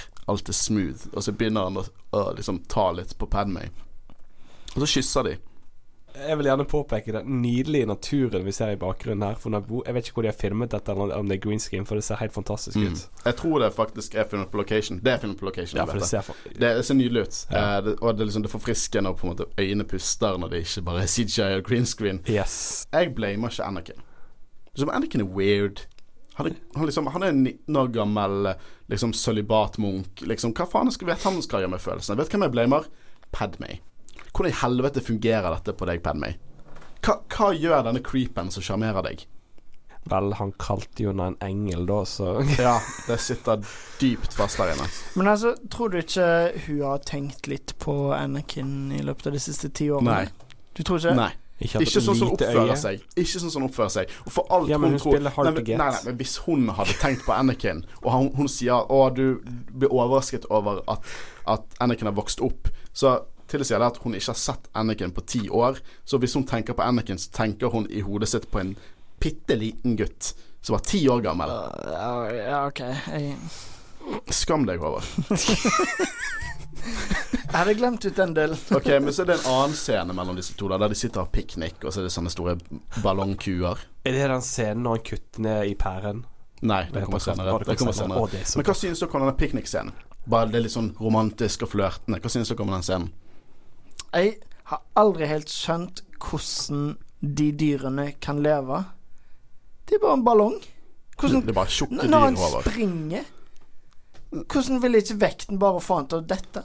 Kanskje, kanskje de har veldig lett kroppsbygning. Kanskje de har hule bein som fugler. Men jeg prøver er veldig kult at du tar opp designet på disse kuene, ballongkuene. Men hva synes du om dialogen, kjemien, det som skje, ble sagt og skjer i denne romantiske pikniken mellom Anakin og Padmay? Ganske ekkel. Okay. Creepy. Mm. Hva gjør det for plottet? Altså, jeg, jeg Jeg klarer ikke å tenke på plottet når jeg ser den Ok, men det jeg tenker er at ja, det er kleint, det er creepy, det er cringy-worthy, men de begynner å diskutere politikk. Det er sant. Og noe de, Anakin mener at systemet ikke fungerer, og at noen må sette seg sammen og bli enige. Og så sier Padme ja, ja, men det er jo det de prøver å gjøre, men folk er ikke alltid enige. Og så sier Anakin ja, da må noen vise folk, eller en vis person, tvinge de til å bli enige. Og så sier Padme det høres ut som diktaturskap. Eh, og, Anakin, og Anakin sier vel, hvis det funker han Det er foreshadowing til eh, Empire ass, og Darth Vader, for det er jo sånn de gjør det. Mm. Altså, han eh, får det jo til å virke litt som en ah, bare, bare tuller, altså. Jeg mener det egentlig ikke, men han har et creepy smil på slutten. Men Ja. det har jo han egentlig gjennom hele denne filmen. Altså. uh, den neste scenen er kanskje min favorittscene fra denne filmen. Kan ikke si noe negativt på skuespillet, noe negativt på noe av det som skjer her. Obi-Wan har lyst til å snakke med Jango Fett for å finne ut om dette faktisk er mannen uh, han leter etter. Vi får se Boba Fett, bitte liten, søt kid. Hele pakken. Men i hvert fall, Jango Fett snakker med Obi-Wan. Og det er Tamora Morrison som spiller Jango Fett, June McGregor og Obi-Wan, og det føles som to hemmelige agenter som vet de er på motsatt side. De prøver på en måte å bentre seg gjennom det. Så når jeg sa Bobafett tidligere i dag, er det jeg egentlig mente var Jango Fett. Jeg trodde du spøkte, jeg. Hæ? Jeg tror du bare spøkte med meg. Hey, nei. Ja ja, ok, så ja. Men eh, det som er verdt å nevne, som du eh, ikke sa, var at Bobafett Han er jo faktisk en klone. Jeg kommer til dette nå, for jeg har en ny lord-dump. Du har det, ja. Ja. Eh, nå har, igjen som Håvard sier, det er sant. Det har blitt etablert tidligere at, at eh, når Jango Fett tok opp eh, liksom kontrakten og ble klonet, så i tillegg til penger, så hadde han en, eh, et krav, og det at han ville ha en direkte klone av seg sjøl. Altså en klone som ikke blir gammel fortere, en direkte kopi av seg sjøl. Uh, og det er i form av Bobafett. Bobafett er en dusørjeger som vi ser igjen i originaltrilogien. Og, alle, og Jango Fett og Bobafett går med sånn kul Mandalorian-rustning uh, og dritkult design. I tillegg til at jeg elsker den scenen når de to snakker. Liksom Obi-Wan spør om han har vært på Coruscant. Han sier en eller to ganger, kanskje. Så det er sånn, Alltid en ære å møte en Jedi, og du vet at de, bare hater hverandre. Er Kjempekult. Nesten sånn spionthriller i Star Wars. Digger det. Nå forteller jo han det at uh, han har aldri møtt noen Cypho Diaz. Han ble, han ble rekruttert av en fyr som heter Tyrannus. Diskré navn, I know. Uh, på en av månedene til, uh, til Bogden. Eh, og Jango Fett, som sagt, ville ha en direkte klone av seg sjøl. Og Count Duku, altså Tyrannus, Darth Tyrannus, har oppsøkt han på en av månedene til Bogden. Og jeg eh, sa det at ja, da får du veldig mye penger. Du kan egentlig leve i fred resten av dagene dine. Og så sier han det høres bra ut, men jeg vil også ha den klonen. Og det er ikke fordi at Jango Fett er en fyr som har ønsket seg familie, eller en hyggelig, koselig fyr. Fordi at alt Jango Fett bryr seg om på denne tiden, er å være den beste dusørjegeren. Ingenting annet som betyr noe for han. Det er derfor han også tar på seg jobben til å drepe Amidala, fordi at han vil fortsatt på en måte ta arbeid og bevise for hele galaksen hvordan han er. For han har nok penger til å kjøpe seg en planet nå. Men han kjøper Bobafett fordi at det er en måte å videreføre ettermælet som er han, hans på en måte skill og hvem han er. Fett-navnet, liksom. Så han får klonen i form av Bobafett, og når Bobafett et par en liten stund før denne filmen, så tar han enda en sånn jobb. Han vil jobbe med tre andre dusørjegere og ta med Bobafett på jobben. Eh, og eh, dette er en sånn jobb som virker helt under han, og det er shady dusørjegere som ikke har noe sånn stor rykte på seg. De er ikke noen kjente dusørjegere. eh, og jeg, han vil egentlig være med på dette bare for å lære Bobafett ting. Under denne dusørjakten så prøver de å finne en dame. Og det så ender med at de finner damen, men to av de tre dusørjegerne De ender opp med å forræde de da. Så de, vil, de holder Bobafett med en kniv og truer Jango Fett, og så sier de at de vil ha alle pengene. Og det som skjer da, er jo at vi forventer at Jango Fett skal beskytte sønnen sin, men nei, han venter. Han lar Bobafett, som er bitte liten, under ti år, drepe to av de dusørjegerne, for så å slippe, la den tredje dusørjegeren slippe unna. Og hvorfor han gjorde det? For han, skulle, han vil at han skal snakke. Han vil at folk skal vite hvem Bobafett er ved den alderen. Og det er det eneste Bobafett bryr seg om, og Jango Fett bryr seg om, legacy. Og det er det, derfor de så å si er samme karakter, fordi at Jango Fett, Jango Fett lever videre i Boba Fett. Og jeg syns det er en kul, uh, kul liten historie. Det kan jo dere lese om i faktisk Age of, uh, Age of Republic-tegneserien som nettopp kom ut. Så mye av researchen min har jeg gått derfra, da, fordi at Jango Fett er en veldig interessant og kul karakter. På mange måter dypere enn Boba Fett. Han gjør mye mer i denne filmen, viktigere for plottet. Så det er kult å ha litt backstory til han, da. Ja, det gjør jo bare eh, hele den karakteren, og egentlig Boba Fett-karakteren, Mm. mye dypere, og akkurat det var jeg ikke klar over. Eh, veldig kult. Dette er også, dette er også veldig ny canon, da. Mm. Det er ikke lenge siden at dette ble dypere. Men det er også Mandela Legends.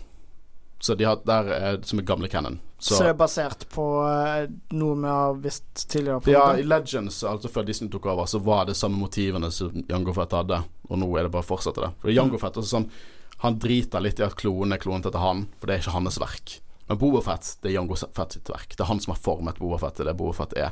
Så han driter i at klonen gjør en god jobb. Det er, liksom, det, det er bare hans utseende og på en måte kanskje reflekser og evner, men det er Boba Fett som er virkelig han, for, han som former, og det er hele mentaliteten på hvorfor han vil ha en klone.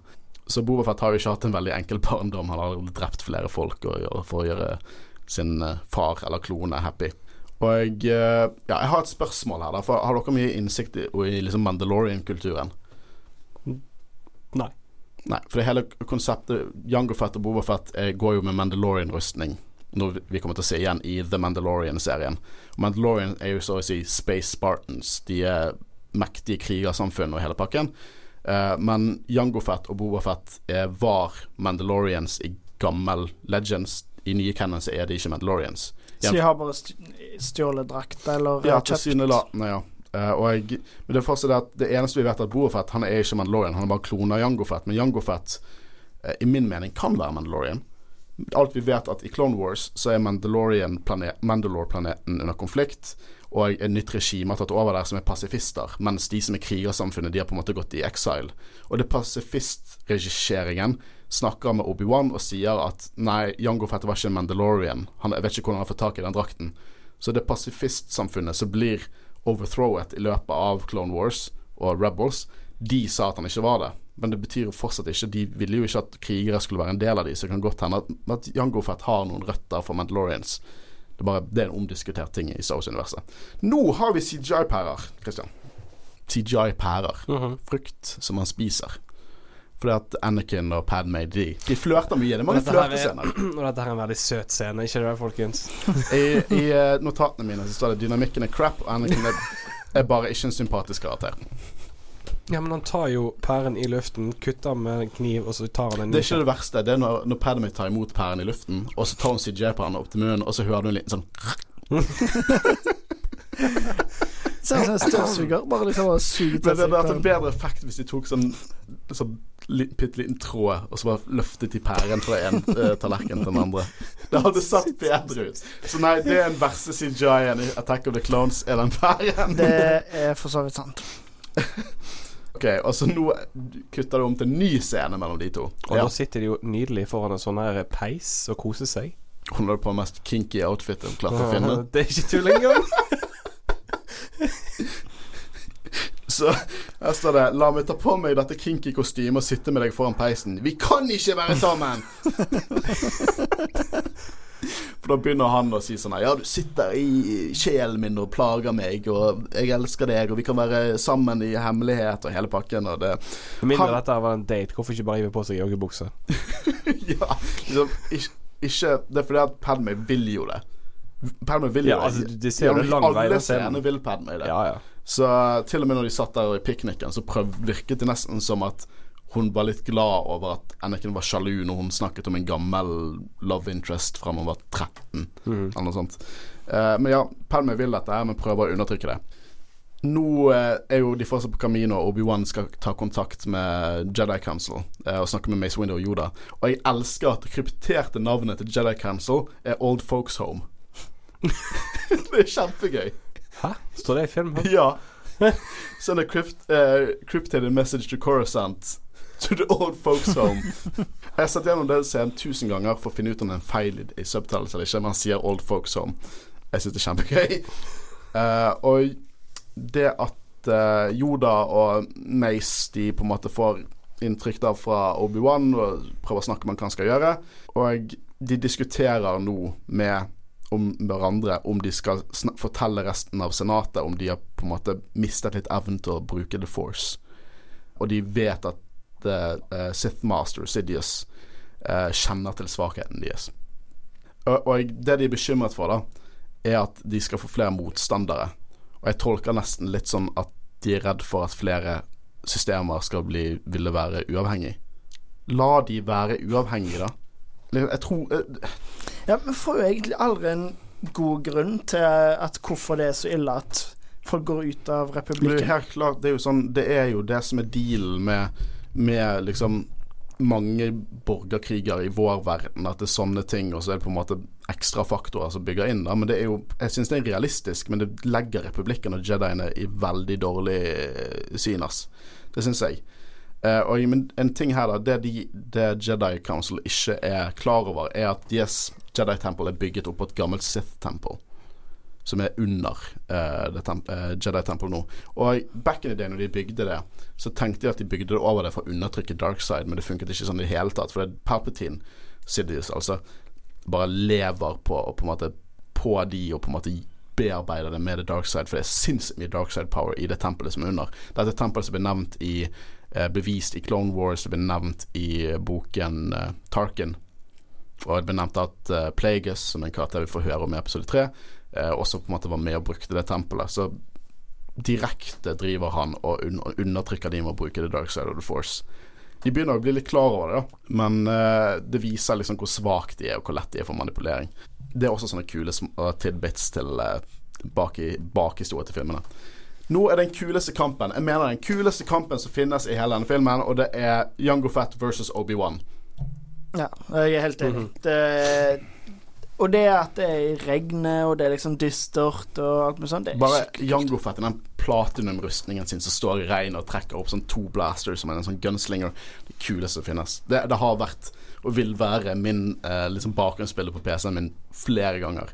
Eh, og Slave One er der. Ja, eh, Bobafett er jo faktisk bru også ganske brukbar. Han sitter oppe i Slave One og prøver å skyte på Obi-Wan. Bare Musikken og alt, og at det er litt mer sånn For Obi-Wan mister jo lightsaveren sin, så de begynner bare å slå hverandre. Jeg syns det er dritkult. Til og med når de på en måte faller ut på, eh, på siden.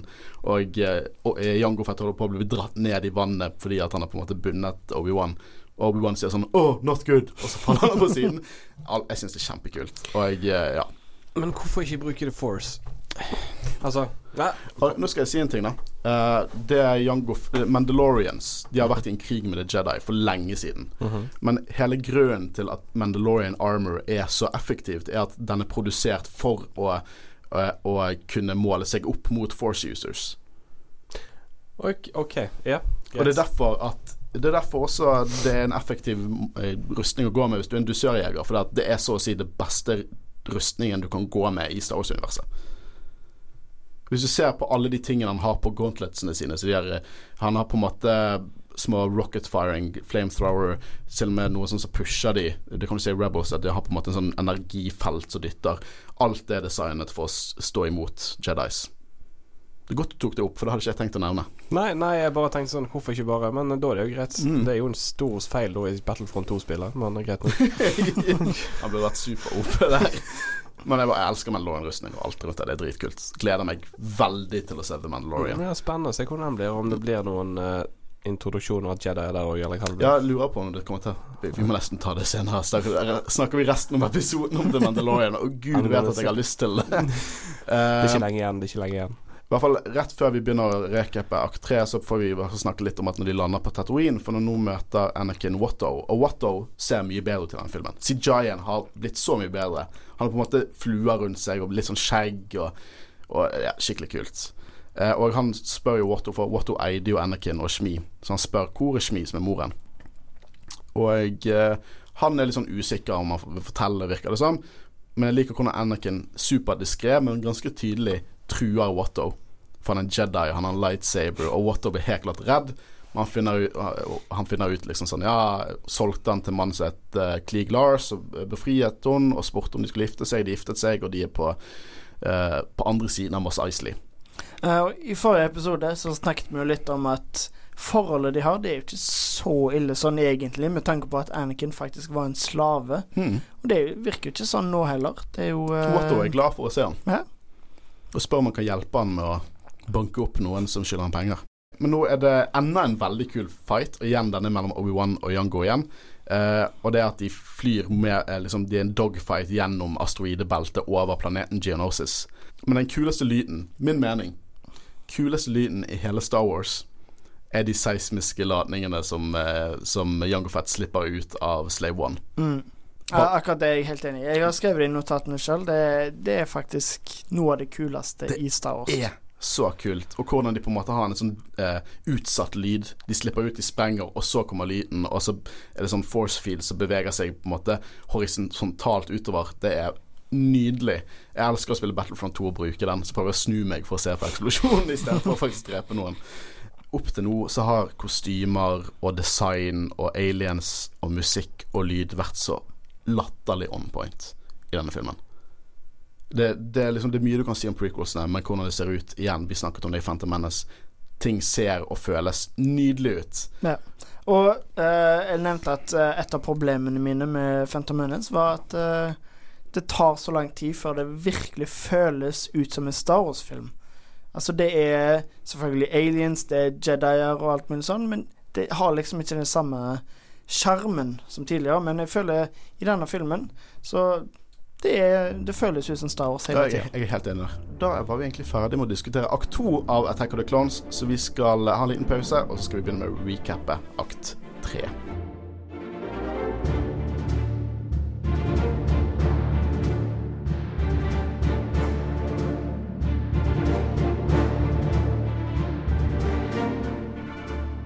Nå skal vi en rask recap av akt tre fra Attack of the Clones. Til deg, Christian. Anakin, Padmay og R2D2 reiser til Tatooine for å finne moren sin. De reiser til farmen hvor personen som hadde kjøpt henne, holder til. Her blir han fortalt at moren har blitt tatt til fange av Tuskens. Han bestemmer seg derfor å reise ut og redde henne. Når han har funnet henne, tar han liv av alle Tuskens raiders. og finner moren i live, men hun dør noen sekunder etterpå i armene hans. Han tar henne med hjem til farmen, hvor de begraver henne. Etterpå så er det en kommunikasjonsmelding fra Obi-Wan. De ser han har blitt tatt til fange, og bestemmer seg for å reise og redde han. I mellomtiden gir senator Binks all makt til kjensler Palpatine. Kantuku, som holder Obi-Wan til fange på Genesis, prøver å overtale han til å skifte side og advarer om at det er en ond skikkelse som styrer senatet. Anakin og Padme lander nå på Genesis, men blir kjapt tatt til fange, hvor de sammen med Obi-Wan ble fraktet til en stor arena hvor de kjemper seg for å holde seg i live. Etter en intens kamp blir de reddet av Joda og andre fra The Jedi Council, som kommer i en ny stor klonearmé som er laget til The Republic. I transportskip som Anakin og Obi-Wan er på, får de øye på Camp Dooku, som flykter vekk fra kampen. De bestemmer seg for å holde etter og ta kampen mot greven. Camp Dooku får overtaket, men i siste liten kommer Yoda og blir badass. Dooku kommer seg til slutt unna ved hjelp av et slutt-triks. Count Dooku reiser tilbake til sin mester Darth Sidious og forteller at kronkrigen har nå begynt. Anakin og Padme gifter seg.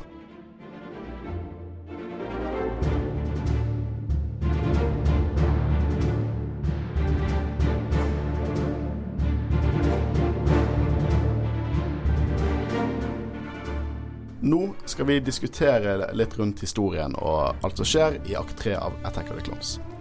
Nå får vi se en ganske kjent lokasjon dere. Faktisk Moisture Farmen til Lars-familien. Et annen gård som eh, en annen kjent helt med name Luke faktisk kommer til å være bo på.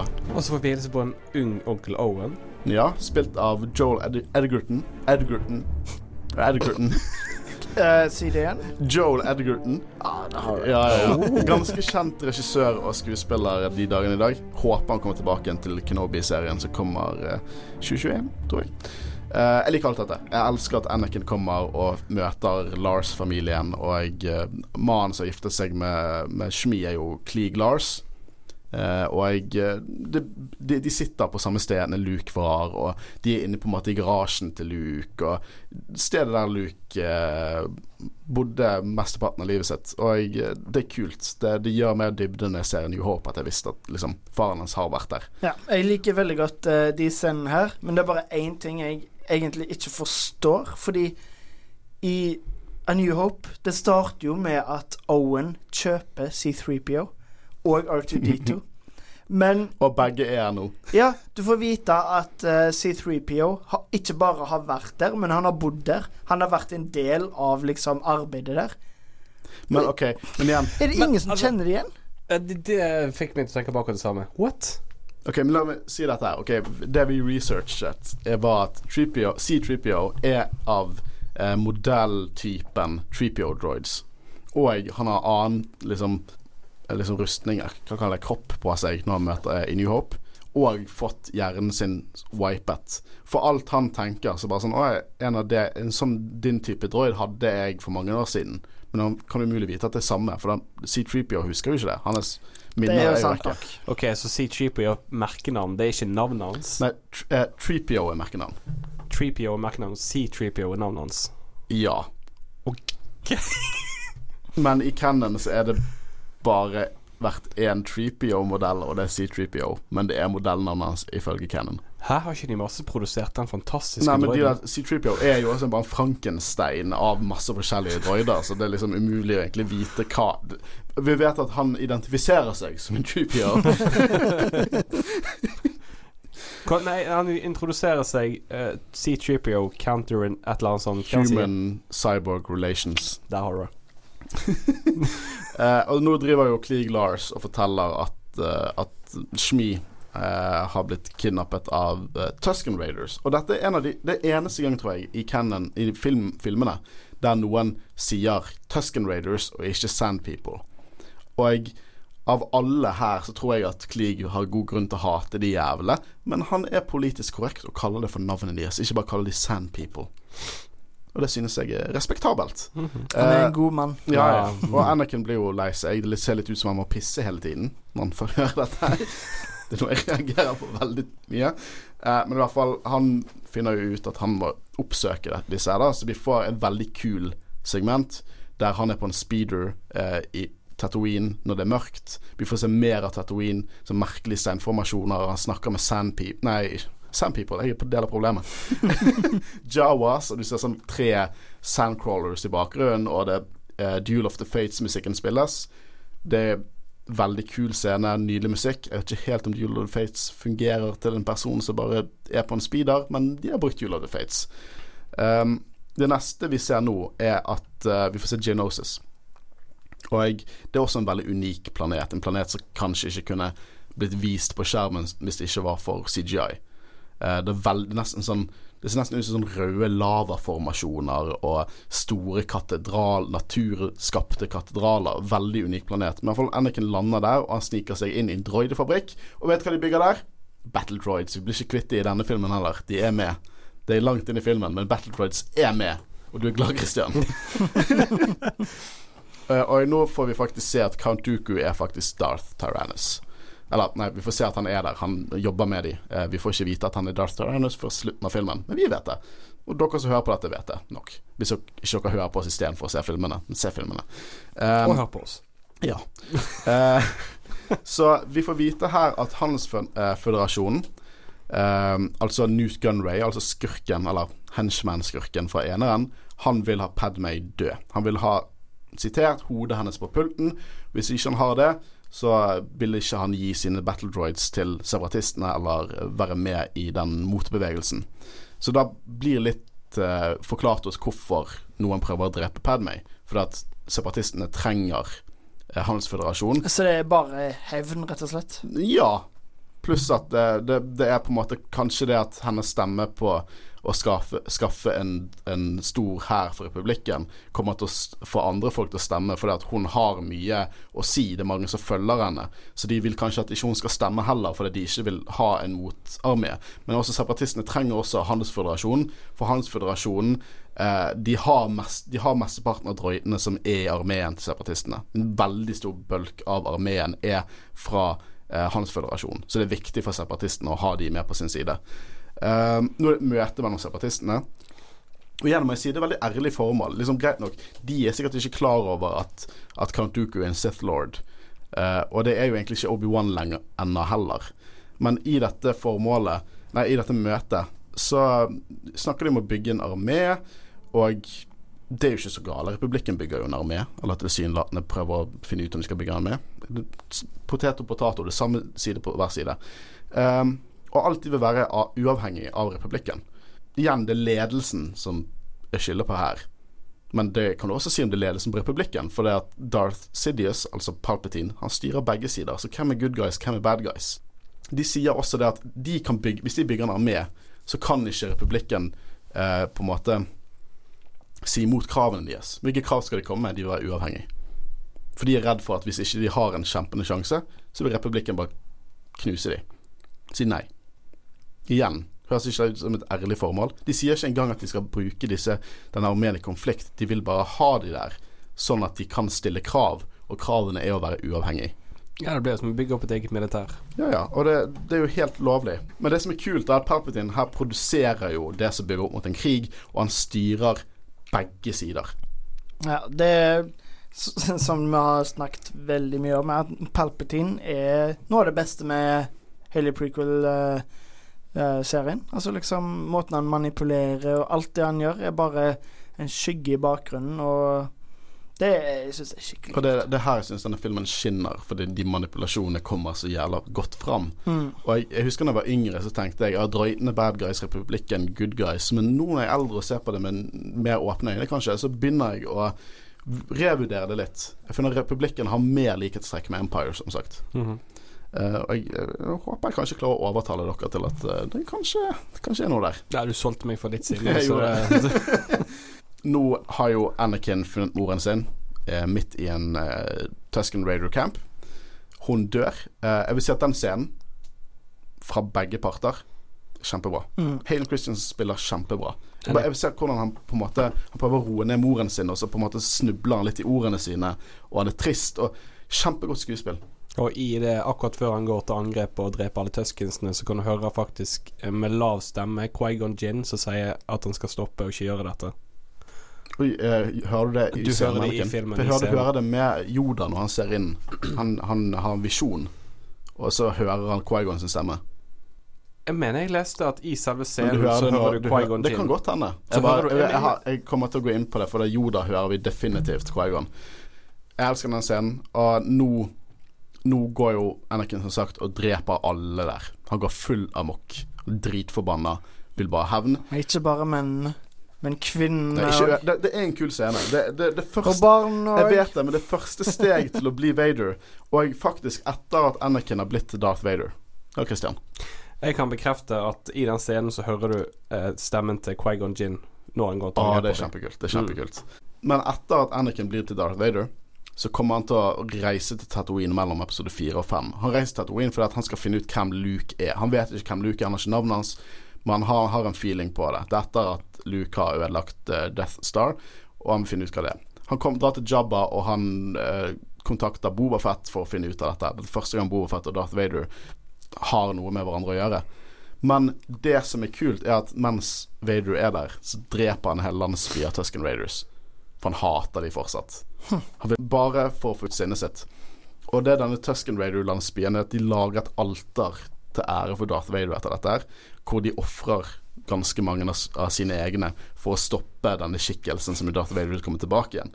Så jeg liker at på en måte i universet på en måte hos Tusken Raider, så er det sånne legender av bare en gal dude som kommer og har drept flere landsbyer der med en lightsaber, og det er kjempekult. Og det er på en måte Det, det er backstory som er dritfett. Det gir mening. Jeg har faktisk sym veldig sympati for Anakin nå. Det er veldig også på skuespillet og Greit nok, hadde ikke liksom det er en ting, det er en drep, Han dreper en landsby med folk som er ganske menneskelige, men jeg har sympati for han. mm. Uh, og jeg eh, er også sikker pga. skuespillet at uh, det er ganske bra her, at det på en måte hjelper på det. Men nå får vi se uh, Yoda. Han sitter og mediterer, og vi får høre Quaigon veldig klart da rope Anakin, Anakin no. Og Miss Windu kommer inn, og Yoda forteller Miss Windu at han senser død og fortvilelse og smerte hos unge Skywalker. Og du hører i bakgrunnen Imperial March. Ikke dette det største røde flagget som finnes. Jo, det er ganske mange av de òg, men dette er definitivt det største. Hvordan er noen overrasket av at han går dark side? Hvordan? Hvor er Quaigon Jinn og forskosset hans? Det er det jeg tenker. For det, er dette et hint på at Quaigon eksisterer fortsatt? For det tror jeg. Jeg òg. Jeg tror ikke Yoda har forstått det ennå. Vi vet han ikke har forstått det ennå, for det at han får vite dette mellom episode to og tre, hvordan han eksisterer eh, gjennom The Force. Men jeg tror dette er et hint at Quaigon eksisterer gjennom The Force. Men jeg syns igjen det er litt merkelig i forhold til at Yoda er 900 år gammel, eller 800 år gammel. Stemmer vel mer. Eh, hvordan Quaigon Jinn har lært dette her, og så har ikke Men da Yoda må du også tenke hvordan Jedi-ordren er så sinnssykt lite in touch med The Force. Og så har du den ene personen som kunne ha maktnivået til å sitte på Jedi Council, men han, han går imot koden og gjør sin egen ting.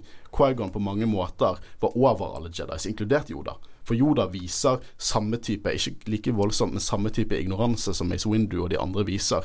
Jeg tror at Jeg er ganske rimelig sikker på at det er Quaigon som realiserte og åpne, åpnet øynene til Yoda. Men er ikke det canon òg at Yoda på et punkt trakk seg tilbake i 100 år for å forstå kraften bedre på et punkt alene? Det er veldig lite som er er blitt eh, etablert av tidligere greier med Yoda. Ok. Nye canon prøver å forholde han veldig mystisk. Til og med rasen hans er ikke noe som er definert engang. Altså Det er jo noe jeg liker med den karakteren, at han Ja. er ganske mystisk, så jeg håper ikke det kommer noe mer utdypende om han, for jeg Det er derfor jeg hater Yaddle. Altså, jeg liker egentlig mysteriet rundt han. Men eh, akkurat det jeg syns var litt rart, hvordan ikke han har visst om dette her, på en måte. Ja, men det, er også, det det du, ja, det, det, det, du sier. også. ja. Det at ting han formidler i Empire og Last Jedi og Return of the Jedi, er så sinnssykt mye mer ting som jeg føler nesten Quaigon snakket om, enn hva Yoda i episode 1 og 2 hadde snakket om. ja. Men eh, ja, så jeg, jeg liker diskusjonen rundt det, da. Og jeg føler Quaigon har mye mer å si enn det vi skulle trodd. Nå er det, Håvard, not just the women, but the children. no. Nei just, not just the men, beklager. Not just I Notatene står Not just the women, but the women. not just the men, but the women and the children too. I hate them. Det er et stort, veldig mimet øyeblikk, og skuespillet er litt weird. Dialogen er kanskje ikke på topp, men det er mye kult der. hate them all. uh, det er helt klart Vader foreshadowing, Imperial March i bakgrunnen. Uh, Anakin er nå en massemorder i tillegg til en creep. Og eh, sier alt dette til Padmay. Hva sier Padmay? Ja ja, det er naturlig å være sint. Kanskje hun ikke har Altså, hun liker ikke Sand People, hun heller. Nei, hun- det, Herregud, hva er hun det, Padmay er den rareste karakteren i hele denne filmen. Det er ingenting som er weird hun oh, Ingenting. Eller kanskje hun bare er livredd for denne massemorderen som ligger og griner foran henne. Ja, men eh, Det er jo tydelig at hun elsker han òg, så Nei, jeg, jeg bare forstår. Eh, men de, de begraver i hvert fall eh, moren. Nå Obi-Wan han eh, finner ut Han sender ut signal, hologram, til Anakin, og, eh, som han skal videresende til, eh, til Jedi Council. Og han formidler etterforskningen sin. Det som skjer, er at Obi-Wan blir angrepet i dette hologrammet. Og så sier Yoda Jeg lurer på om det er noe som skjer der borte. Ja, no shit, liksom. Eh, Jedi er så jævla håpløse at når de ser direkte bevis, så skal de heller vurdere om det er noe i det. og nå kommer jo hele den diskusjonen at Pal hvis Palpatine hadde emergency powers, så kunne han faktisk godkjent denne klonehæren uten at det var liksom noe mer om Da hadde de, da hadde de middelet til å på en måte beskytte seg, beskytte seg, quote on quote, der og da. Og så står jo alle rundt i, med Jar Jar, for han er representanten til Amidala nå, og bare sånn Ja, hvis bare Amidala hadde vært her, hun hadde hatt bale til å gjøre det. Er, det. er det ingen andre politikere som kunne gjort det? Hvorfor er det bare Amidala som kunne gjort det? Det viser jo ikke eh, Ok, jeg kunne tenke meg at Amidala har så mange tilhengere i Senatet at hvis hun hadde stemt for noe sånt, så hadde folk bare fulgt henne. Men det virker jo ikke som det er noen som stemmer etter han faktisk får emergency powers, eller at det ble vedtatt. Um, kan godt hende at folk bare liker ting fra Naboo. Fordi med en gang Jar Jar begynner å snakke om det, så jubler folk akkurat som det er noe de har venta på. Ja. Vi kommer tilbake igjen til emergency power-greiene, eh, men nå har jo Obi-Wan blitt fanget, og han har en dialog med, med Christopher Lee, som spiller mener Count Dooku. Lord of the Rings, people. OK, hva skal vi snakke om? To det står eller? faktisk i, uh, i notatene mine så det spiller Saruma punktum punktum mener Count. Ja, OK. Så det var intended. Det var intended. ah. Men Eh, nå ødela jo du den vitsen, da. ja, kanskje vi skal redigere dette vekk? Eh? Nei, nei, nei. nei. Men jeg liker veldig godt at han, eh, han sier jo at han var mesteren til Quaigon. Det liker jeg godt. Eh, mer backstory. Og det er ikke ofte vi ser i Star Wars-canon at det er mesteren som går dark side, og ikke Det er heller som regel Padawan som går dark side. Mm. Men en kul ting. Han, han spiller the whole shit ut til, til Obi-Wan. Han sier navnet på fyren, Darth Sidious, styrer senatet, kontroll over alt. Og det er det som får meg til å tvile. Er han good guy? Eller ikke Nei, ikke tenk good guy eller bad guy, men er han på the dark side? Ikke at han er en Jedi, men jeg har hørt at det er noe som heter Grey Jedi. Ja, men han er 110% Dark Jedi. Okay. Han er Sith. Det, det er ikke noe Men jeg hadde likt å høre argumentene dine uh, imot det. Men han er 100 Nei, det, altså Argumentene mine går jo på hovedsakelig på akkurat det han sier der. Han sier hele greiene. mm. At det er en ond skikkelse som styrer senatet, og han kan fortelle han hvem det er. Ja, men jeg, jeg, jeg ut ifra det som er etablert i Cannon, i Clone Wars og alt dette her, eh, så er han 100% Han vet hva klonen er til. Han har vært med å på en måte eh, Med planleggingen av eh, dette implantatet i klone for å gå over på å drepe Jedis. Han har full kontroll på det. Eh, og jeg eh, Igjen, han bruker eh, Sith Lightning senere i filmen, som er virkelig Eller Force Lightning, som virkelig er Du må ha rent hat for å gjøre det. Jeg tror jeg vet Men- hvorfor han uh, sier det. Fordi George Lucas tror at alle som ser filmene, er tolvåringer og idioter. Så han må liksom fortelle hva som har skjedd. Jeg tror ikke han har laget For det er ganske du- Dette er en ganske komplisert film. Du tenker på der de, de onde forteller om planene sine. Mm. Ja, OK, jeg er med deg. Bare sånn at vi, Mhm. vi, vi vet hva som skjer. Men- eh, hvis, jeg, hvis jeg kan få lov til å fortelle min tolkning av det er at, ok, Først får vi se at eh, Obi-Wan er så jævla selvsikker på Jedi og seg sjøl at når han sier absolutt hva som skjer, så er sånn Nei, vi hadde skjønt det. uh, ja, Jedi eh, Hvor mange uh, downscores har de fått nå over hvor selvsikre og dumme de er? Jeg vet ikke. Men uh, i hvert fall Doku forteller jo det at uh, Trade Federation Newt Gunray ble forrædet av Darth Sidious for ti år siden, og at han kom til Count Dooku for hjelp. Så det er liksom det at verken tilsynelatende det er verken separatistene eller republikken som er, som er med The Sith. Det grunnlegger, un understreker han. For å sånn lure Obi-Wan og ordren til at Nei, nei, Sith er ikke her, og det er ikke der heller. Det er på en måte, det styrer hele drittet, viser det seg. Men jeg tror at Palpatine har full kontroll over hva Count Dooku sier til han. Jeg tror at For at nå, han lyger jo om dette her med Newt Gunray, og at uh, Sith har ingenting med, med, Trade Federation igjen. Og han sier ikke at han er liksom apprenticen til Darth Sidious. For alt Obi-Wan vet, så er, ikke, er han bare en dark side-fyr som ikke er Sith. Jeg tror at Palpatine er så selvsikker at han lar Doku formidle alle planene sine på en veldig over, liksom, overordnet måte, da.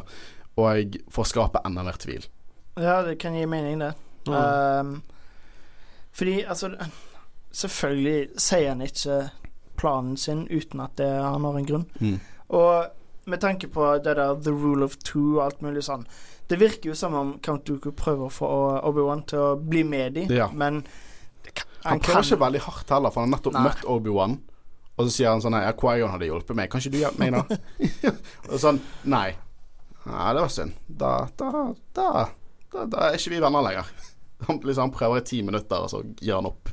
Uh, så jeg vet ikke helt om det er det han faktisk prøver. Jeg tror han prøver å spre tvil hos The Jedi, og at Palpatine har full kontroll over hva som skjer. Men det er igjen fortsatt en mulighet at han faktisk kanskje senser litt. Er det, er det sjansen min nå til å drepe CDS, eller må jeg vente et par tiår til? det er jo sånn det fungerer i, i Rule of Two. Og nå Jaja Bing skaper The Empire. Yes. Det gjør han. og tidligere i episoden så var det noe jeg eh, Noe som jeg virkelig hater med Jar som jeg måtte spare til det. Han begynner den talen han har, med å si 'Dello Felligates'.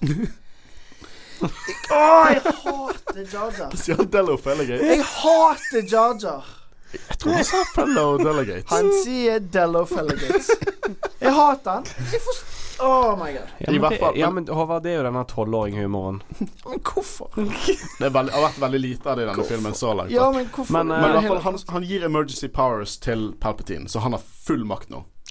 And leading on that, Darth Plagueis. Darth Plagueis? Nei. Nei. Men i hvert fall, nå skal jeg, nå skal jeg trykke ned den teorien. Nei, men sorry, men du finner faktisk teorier på YouTube der folk tror at uh, Ja, folk tror ofte oppriktig det. Nå skal jeg fortelle hva som skjer med, med Jar Jar i Cannon. Etter, dette er fra bok, bøkene Aftermath, som er satt etter episode 6.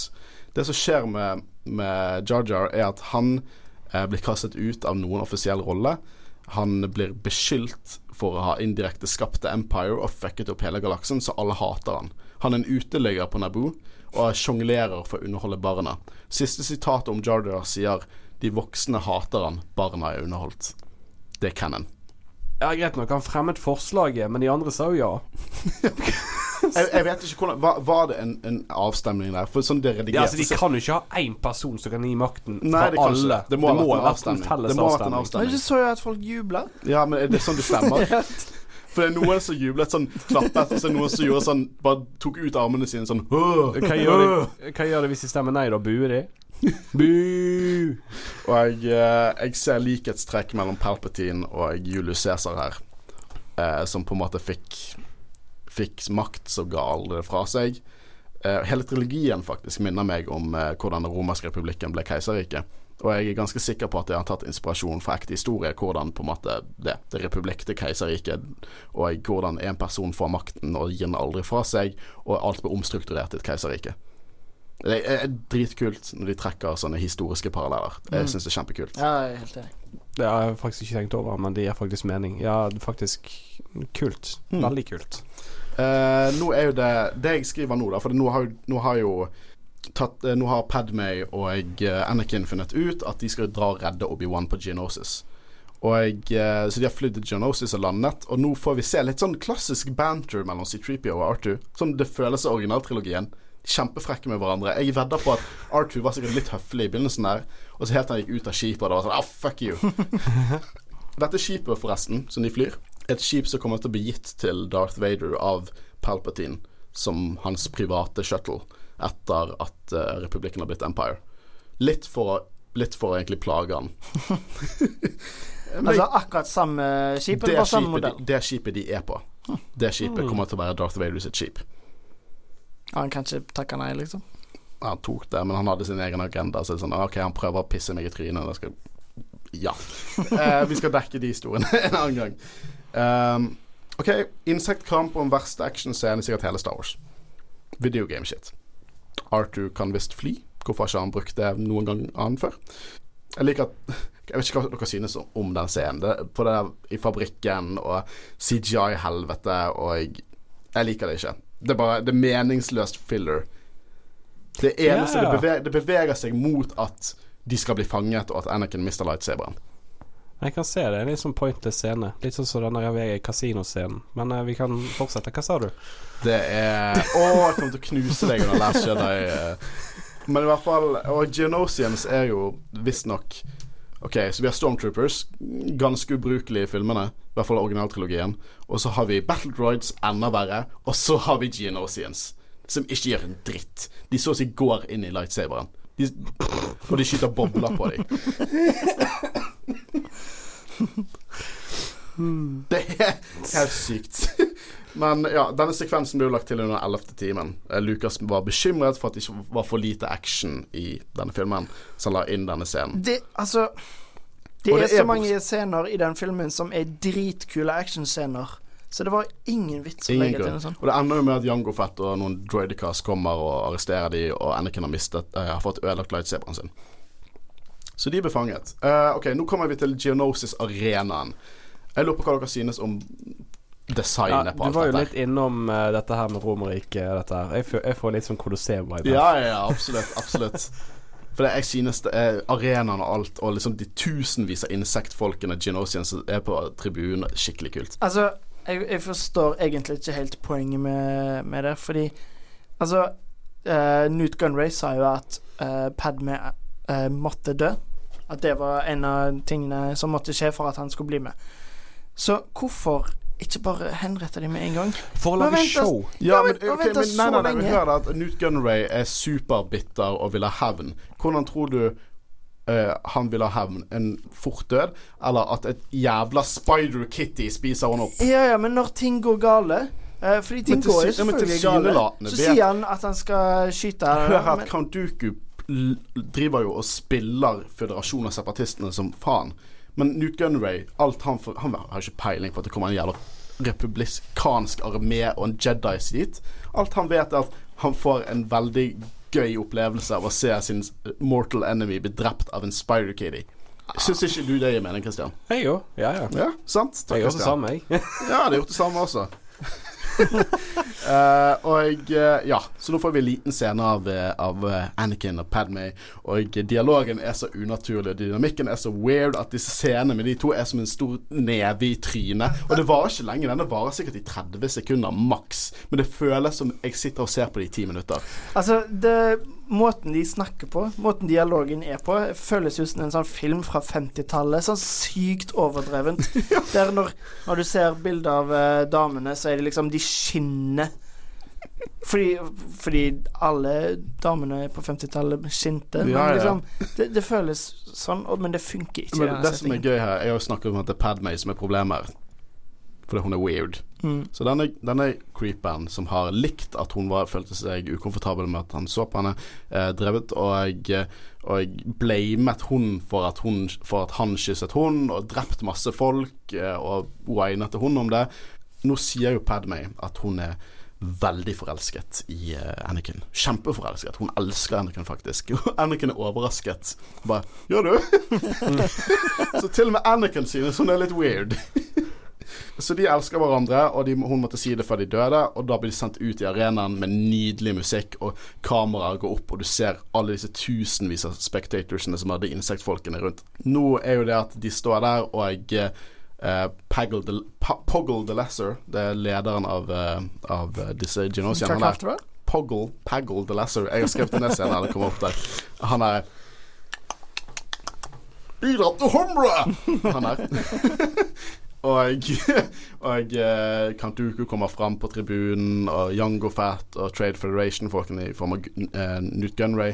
Veldig faktisk romerske keisere som kommer fram der. Jeg ser bare mer og mer paralleller nå, bare hvordan ting blir vist fram. Ja. Og uh, nå kommer det tre dyr. Nesehorn med tre horn. Krabbelakopp. eller kopp. Og Rottekitty. Applaus. Jeg liker dette. Kreative design. Jeg, jeg, føler, jeg føler de er til stede. Det, liksom, det er CGI, og det, er på en måte, det har blitt litt gammelt. Men jeg kjøper at det er dyr der, og lydene og designet, alt er veldig kreativt og skremmende, liksom. Så jeg, jeg syns dette så langt er veldig effektivt. Og så er jeg veldig takknemlig for at Rottekitty gjorde drakten til Padmay litt mer sexy. Altså, George Lucas er bare en skitten gris. Her står det for tolvåringene, George.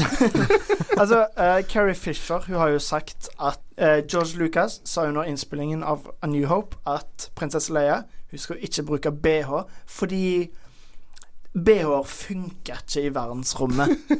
Så det er jo litt sånn samme greia her, da, at uh, et lite kutt, så bare Wow. Så Master Windu har en lilla lightsaber. Hva er dealen med det?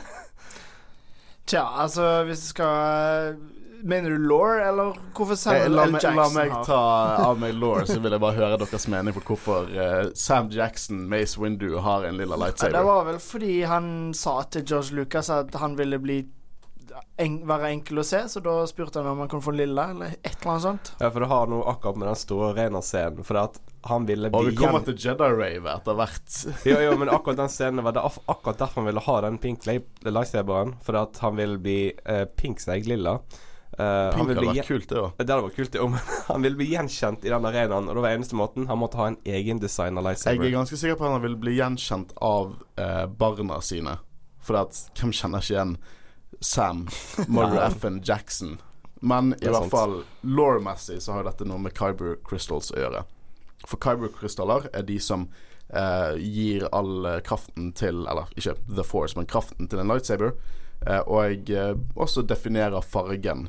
Sith og Darkside users har som regel røde, ikke fordi at det ser kult ut, men fordi at de tar en eh, Jedi sin eh, ferdig Kyber-krystall, og de så å si konsentrerer Darkside Force eh, powers inn i den krystallen. De, gjør en effekt, noe som heter å bløde krystallen, eh, som en veldig dark side-ting å gjøre. Sith må ha ta krystallen for en drept Jedi.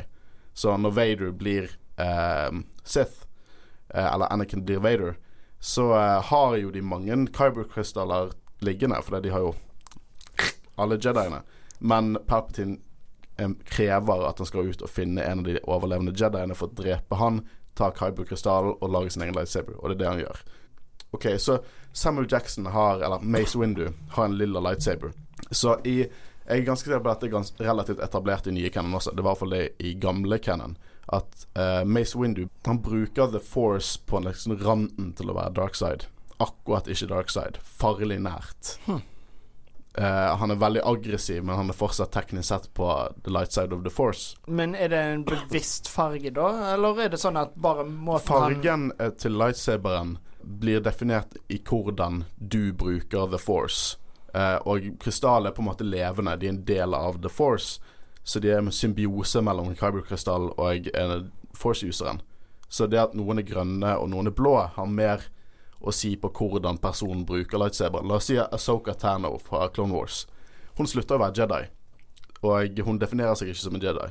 Hennes lightsabers i Rebels um, er hvite. de er hvite. Fordi at hun er, hun er nærmt det konseptet du kaller en Grey Jedi. Mm.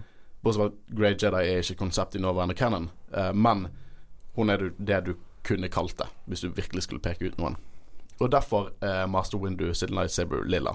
Videre så tar jo han og kommer ut på den der eh, eh, tronen-arena-tingen som eh, Count Dooku og Viceroyen står på. Og der har vi en av de beste one-linerne fra filmen. This party is over. Ja. og Sam Jackson er bare Sam Jackson i den scenen. Men han trekker lightsaberen over Jango Fett, og så sier han 'This party's over'. Uh, og Dok Doku sier jo at uh, Mace er i undertall. Og Mace tenker jo 'nei, nei, vi har klonehæren', det vet ikke han. Men på mange måter så har de, er de i undertall allerede da, fordi at Doku er helt klart hva som er planen til de klonene. Så jeg liker å tenke at Doku er litt sånn sassy der. Og bare han helt klar over at ja, de er undertall, og han og Mace Windu har ikke peiling. Han og den lilla lightsticken hans har ikke peiling på hva som kommer til å skje. Uh, og nå er det Jedi-kamp i arenaen. Alle Jedi-ordrene har kommet for å redde heltene våre.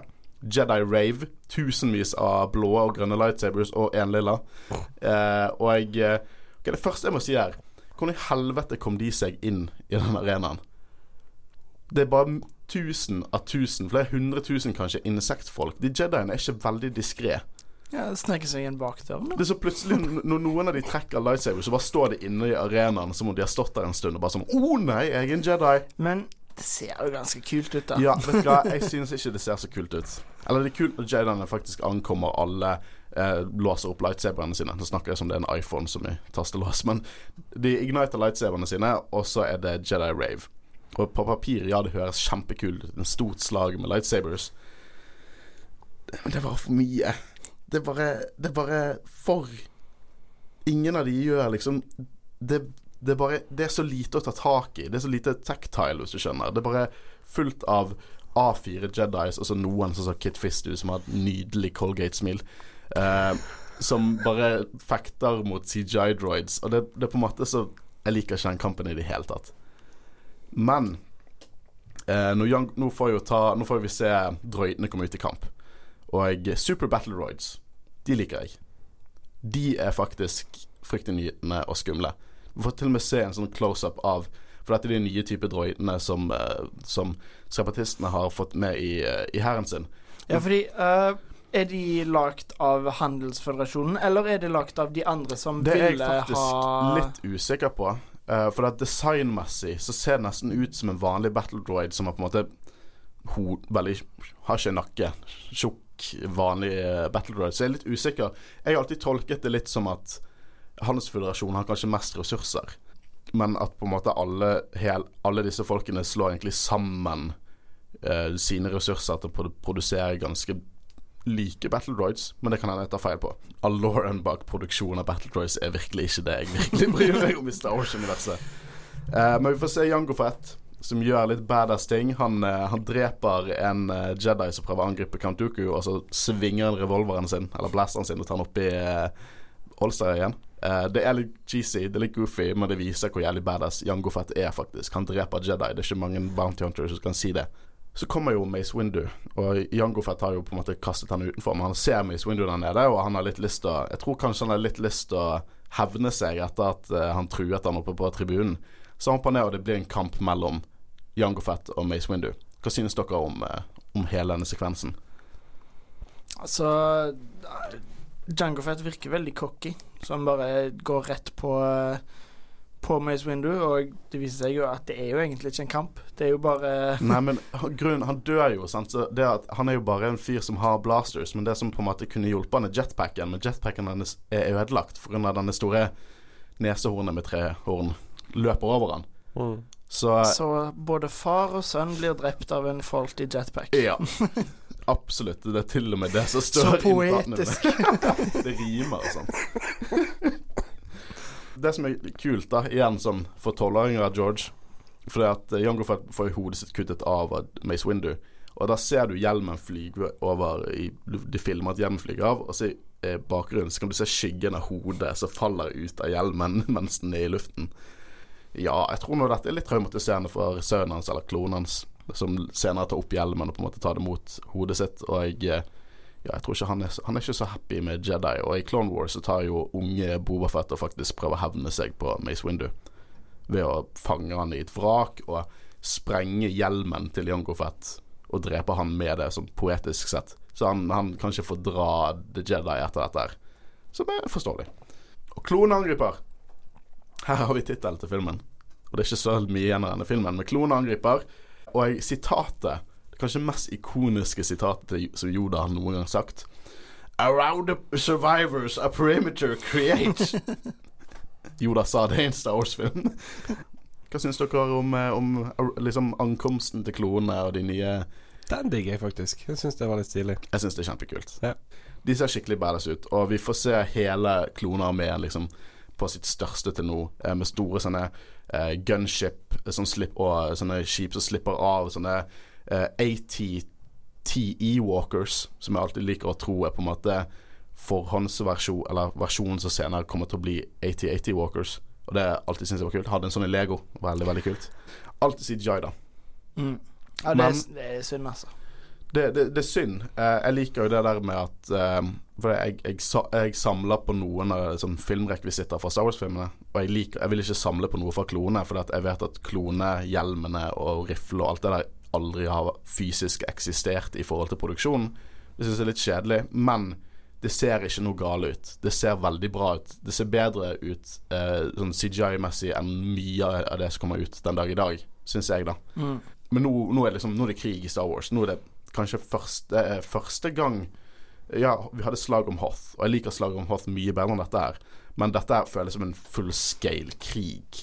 To svære armeer som bare går mot hverandre. Ja, og eh, det er en, eh, en sekvens der eh, et av de har skutt ned et sånt battleship, og så blir det fullt av støv, og så ser du bare liksom silhuetten av klonen og sånn, og så masse lys som går fram og tilbake. Og det, Ja. det er noe av det kuleste i hele Star Wars-serien. det er egentlig. litt kaotisk kanskje, men også veldig kult. Ja, men krig er kaotisk, så jeg det er føler det er liksom det er godt sagt. det, det føles ut som en krig i Star Wars, og det Som du nevnte, Hoth er jeg, jeg liker Hoth bedre fordi jeg liker filmen bedre, Ja. men denne er mer Krig. krigen. Joda driver jo og har tatt fullt og helt generalroll her. Men han sier også han er redd for at uh, Doku skal slippe unna. For hvis han slipper unna, så kommer han til å samle flere uh, systemer til, til sitt formål, til separatistene. At de skal gå, gå selvstendig. Jeg synes litt no, De har allerede bevist at Doku har stått bak mordet på Amidala. Og de burde mistenke at han er darkside. Han går jo rundt med jævla lightsaber på beltet. Og i hvert fall, De vet jo kanskje ikke nødvendigvis at han er en Sith Lord, men Yoda sier høyt av motivasjonen hans Han er redd for at flere systemer skal følge Duku. Så til og med Yoda er liksom republikk, republikk maktgal. Nei, nei, disse folkene kan ikke bli selvstendige. Til og med Yoda. Jeg savner Quaigon så jævlig nå. Jeg gjør det. Jeg er skuffet over Yoda i denne filmen. Er det? Du- du- Er ikke dere enige, da? Mm. Alle gangene de sier at de må stoppe Doku, så er det av det at han kommer til å få flere systemer til sin sak. Nå har jo Doku de eh, drevet og, og angrepet disse Jediene og sånn, men det var jo også teknisk sett spioner på deres planet han prøvde å drepe. Kanskje mine, mine liksom sånn moralske spørsmål her går litt opp mot hverandre, men jeg vet ikke. Ja, nei, men jeg er jo enig. Det, jeg føler liksom at det, Altså Selv om det er kult med sånne politiske ting, så føler jeg at det mangler litt sånn typisk Star Wars. Og altså Du får jo nesten ikke vite at han er en Sith, så det er liksom Jeg føler det er liksom litt sånn missed potential. Ja, du kan si det. Um, jeg liker som regel politiske greier, da. Og jeg liker egentlig Jeg sitter og kritiserer egentlig ikke kritikk. Det er mer at Jedi blir på en måte sett som the good guys, men jeg føler motivasjonen deres ikke alltid er det beste. Jedi er jo bare soldater nå. Uh, Windu uh, har jo sagt at nei, de er keepers of the peace, men nå er alle generaler, alle får sin liten klonearmé, og det er kult. Og Commander Ponds, det er han eh, kommandanten, klonekommandanten som snakker med Miss Windu etter han har landet. Og han sier at han har fem Special Commando Units som venter på ordre. Og det han snakker om nå, er altså Clone Commando-soldater. Eh, det er soldatene som først var med i Legends-spillet Republic Commando, og i Cannon var de med i Clone Wars, og nå i Battlefront 2, faktisk. Eh, og det er en kul indirekte eh, referanse til den type soldater som er veldig på en fan, eh, fan-favorite. da. Jeg syns det er veldig kult at de snakker om det. Eh, og det er igjen sånne småting som bygger opp universet, synes jeg. eh, som gjør på en måte at det er verdt å på en måte få med seg alt av canon, og så kan du endre synet ditt når du ser filmene. For nå vil den lille setningen gi oss mye mer enn den gjorde før, når vi ikke visste det. Eh, eller dere to, da. Sorry. Ja, det her eh, kommer jo vi inn og, eh, og ser gradvis på en måte disse møtene mellom Trade Federation eh, og hva de skal gjøre. For det er de tilsynelatende veldig overrasket at plutselig kommer republikansk hær og angriper de. Mens Doku og Sidious har jo peiling på alt, men Doku pleier jo de fortsatt. Eh, I hvert fall Trade Federation har et møte, og nå får vi se en ganske viktig hologram. Vi får se Death Star-planene. Eh, og det blir vist av Poggle the Lesser, som jeg nevnte tidligere. lederen av Geonosis, eller eh, archduken av Geonosis. Lederen av Geonosis-folkene er jo dronningen, men hun blir ikke vist i filmene. Eh, men jeg tenker en liten lore dump om produksjon av Death Star under republikken, for det var, faktisk der det begynte. Ideen om supervåpen ble jo brukt av Sith Lords i mange tusen år før uh, filmene. Og eh, Palpatine er jo stor tilhenger av Sith, og han er jo ganske hypet på dette også. Uh, og det som skjedde etter denne filmen, var at Tyrannus, eller Count Dooku, ga planene til Sidious, som igjen manipulerte de rette menneskene under republikken til å produsere våpen i skjul. Så det var ikke eh, Palpatine i det hele tatt som uh, på en måte Det designet der det er litt eh, itchy, for vi, jeg, jeg, vi vet ikke ennå. For kan dette være enda en sånn klo, eh, klone ved produsert eh, scenario, der han plutselig kommer bare over det? Bare sånn 'Å ja, men det kan jo jeg bruke'. Eh, det vet jeg ikke. Jeg mistenker at at uh, Palpatine har på en måte pushet i skyggene uh, Geonosis og Trade Federation og alle de til å på en måte planlegge dette, og så ta det over sjøl. For det kommer jo opp igjen etterpå. For det at han formidler til, til, eh, til republikken at separatistene de bygger et supervåpen. Så vi må bygge dette supervåpenet, vi også. Separatistene bygger jo ikke et supervåpen nå lenger. Og det prosjektet ble derimot også backet av både separatister og folk på eh, i republikken. Begge sider backer dette store supervåpenet som er egentlig til The Empire. Det syns jeg er kult. Men i hvert fall Death Star-prosjektet ble igjen begynt under republikken. Igjen er det mindre forskjell på republikk og empire her. Det er veldig et proto-empire.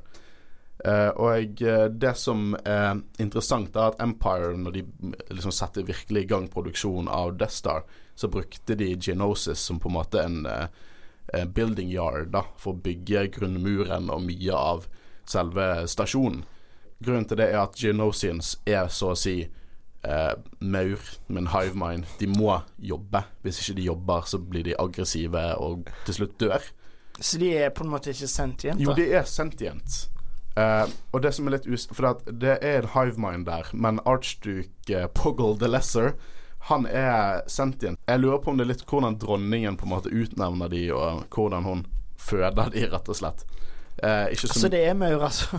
Det er maur. Eh, ja, det er, det, det er maur. Stormaur. Men i hvert fall, de bygger jo mye Death Star sammen med andre slaver. Jeg vet det, De har veldig mange slaver de bruker til å bygge det. Men etter produksjonen rundt Geonosis er eh, fullført, så tar Empire og eh, forgifter eh, hele Geonosis, og så å si utsletter eh, mesteparten av den rasen. De, de lilles overlevde, ble drept av Darth Vader lenge eh, mange år senere, når Vader hadde sin egen agenda når han besøkte planeten. Og det som er kult i Rebels, drar jo crewet til Geonosis, og de finner én Geonosian. Og han prøver å advare dem. Så han lager en sirkel i sanden med en liten sirkel. Og alle oss som vet hva Death Star er, vet jo hva det er. Men gjennom hele episoden i Rebels så er folk sånn Nei, han snakker om egg. eh, og det liker jeg. Eh, så, og, det, og I boken Tarkin og i boken eh, Rogue One og Catalyst så er det veldig mye historier om liksom, byggingen av Death Star og rundt Genosis og alt det der. Så verdt å lese hvis du er mer interessert i det. Nå er jo eh, Anakin og Obi-Wan De driver og prøver å finne Dooku. Jeg synes det, det, det er litt sånn tilfeldig, fordi de prøver å finne han, og så plutselig sier de 'There he is!' nå, eh, nå Anakin viser flere røde flagg, men det har han gjort gjennom hele filmen, så jeg trenger ikke snakke så mye mer om det. Eh, fordi at eh, Padme hun faller ut av skipet. Hun er jo skip på skipet men hun faller ut av skipet og lander på en sånn sanddune. Og eh, det Obi-Wan sier nå, er det at han vil, ikke, han vil ikke stoppe. Han vil fly etter Doku, mens Anakin sier han bryr seg ikke, han elsker henne, vi må lande. Kenobi sier at de må stoppe Doku, for ellers kan en, eh, en krig bli utløst hvis Duku får flere systemer over på hans side. Igjen dette med de jævla systemene som skal være eh, uavhengige i republikken. Er det det som er motivasjonen til Kenobi? Det er sånn, igjen jeg vet at han har mange andre grunner til at ikke det burde bli være motivasjonen hans. Kenobi vet jo ganske mye mer nå, og han vet at Doku står bak eh, mordforsøkene, men igjen, det er dette med å være uavhengig. Eh, og så stiller jeg spørsmålet hvorfor i helvete skal det utløses krig hvis han får flere systemer på sin side? Kan ikke de bare bli uav uavhengige? Det er fordi at eh, republikken ikke har lyst til å dele med separatistene, rett og slett. Men hvis det er andre motivasjoner, hvis jeg kaster inn det at han vil stoppe Duku fordi Duku prøvde å drepe Amidala ved å tilsynelatende la Amidala falle ut av skipet og dø Jeg begynner å mislike republikken mer og mer. Ja, det er bra. Det er bra. Jeg elsker de der siden de blir Empire, men eh, Eh, nå får vi se nå de, eh, de ankommer jo Duku. Og Anakin og Obi-Wan hopper av skipet, og noen kloner hopper etter dem, men tilfeldigvis så blir hele skipet og de tre klonene som står på plattformen deres, bare sånn skutt. Så det er bare Anakin og Obi-Wan mot Duku. Og hva synes dere om konflikten her inne? Det er en ganske kul eh, scene. Um, litt sånn som du nevnte i forrige episode, at det føles ut som en dans. Uh, mer Mm. at de bare fekter, enn at de faktisk prøver å drepe hverandre. Men det er kult koreografert, og eh, Christopher Lee er Han er kjempebra Ja, ja. i den rollen. Han er bra i alt. Det, han er det, han og den skatt. stemmen også. Men det som er kult med Kanduku, er at han er den eh, beste duellisten. Eh, så sverdfighteren som finnes på den tiden. Kanskje det også gir mening at det er litt som en dans. Og du, eh, Kanduku driver og smiler og koser seg gjennom hele den eh, kampen mellom de to. Så prater han. Ja, han prater. Det er kjempekoselig. Og lightsaberen hans er til og med sånn kurvet, som en sabel, på en måte. Og det, det, det er ganske kult. Eh, Og han er den andre karakteren i filmene som bruker Force Lightning. Så jo, han er temmelig, temmelig dark side. Nå eh, skjer jo det at eh, Kenobi Han blir jo litt eh, Han blir jo banket. Ja, men poengterer du at eh, for, eh, Force Lightning er kun dark side? Det er Ja. Vi kommer tilbake igjen til det. Ja, greit. Men i hvert fall eh, Obi-Wan blir, eh, blir jo banket. Eller først hadde jo Anakin prøvd å eh, Obi-Wan sier OK, vi tar han, vi tar han sammen. Nei, jeg tar han nå! Og så løper Anakin, og så blir han kastet til siden som en lille drittsekk han er. Og så blir Obi-Wan banket. Og eh, da hopper plutselig Anakin tilbake igjen. Dette liker jeg ikke. For det er helt klart at de har filmet på en annen måte siden Christopher Lee er gammel. Så de skal være rask kamp, sant. Men du ser sånn Du ser De zoomer inn på fjeset til Christopher Lee, og så ser du to lightsabers som bare flyger forbi skjermen. Og så zoomer de inn på fjeset til eh, Hayden Christensen, og så to lightsabers som eh, flyr foran skjermen. Eh, jeg syns ikke det er kult i det hele tatt. Det er så lite tidløst. Men i hvert fall det ender jo med at Anakin får kuttet av seg armen. Som er enda en liten vei til å bli mekanisk. Men nå får vi en annen scene her. Yoda hører- ankommer. Hører stokken bare. Mhm. Du ser først skyggen, Ja. og så kommer Yoda inn. Og jeg, eh, først i denne kampen så er jo det at det er nesten som bare en stor eh, konflikt med hvem som har mest kunnskap om The Force. Så Kantuko kaster ting på Yoda, Yoda bare kaster det vekk. Og jeg, så han fortsetter det helt til han begynner med Force Lightning. Og Yoda tar energien fra Force Lightning og bruker den mot den igjen. Så han deflekter.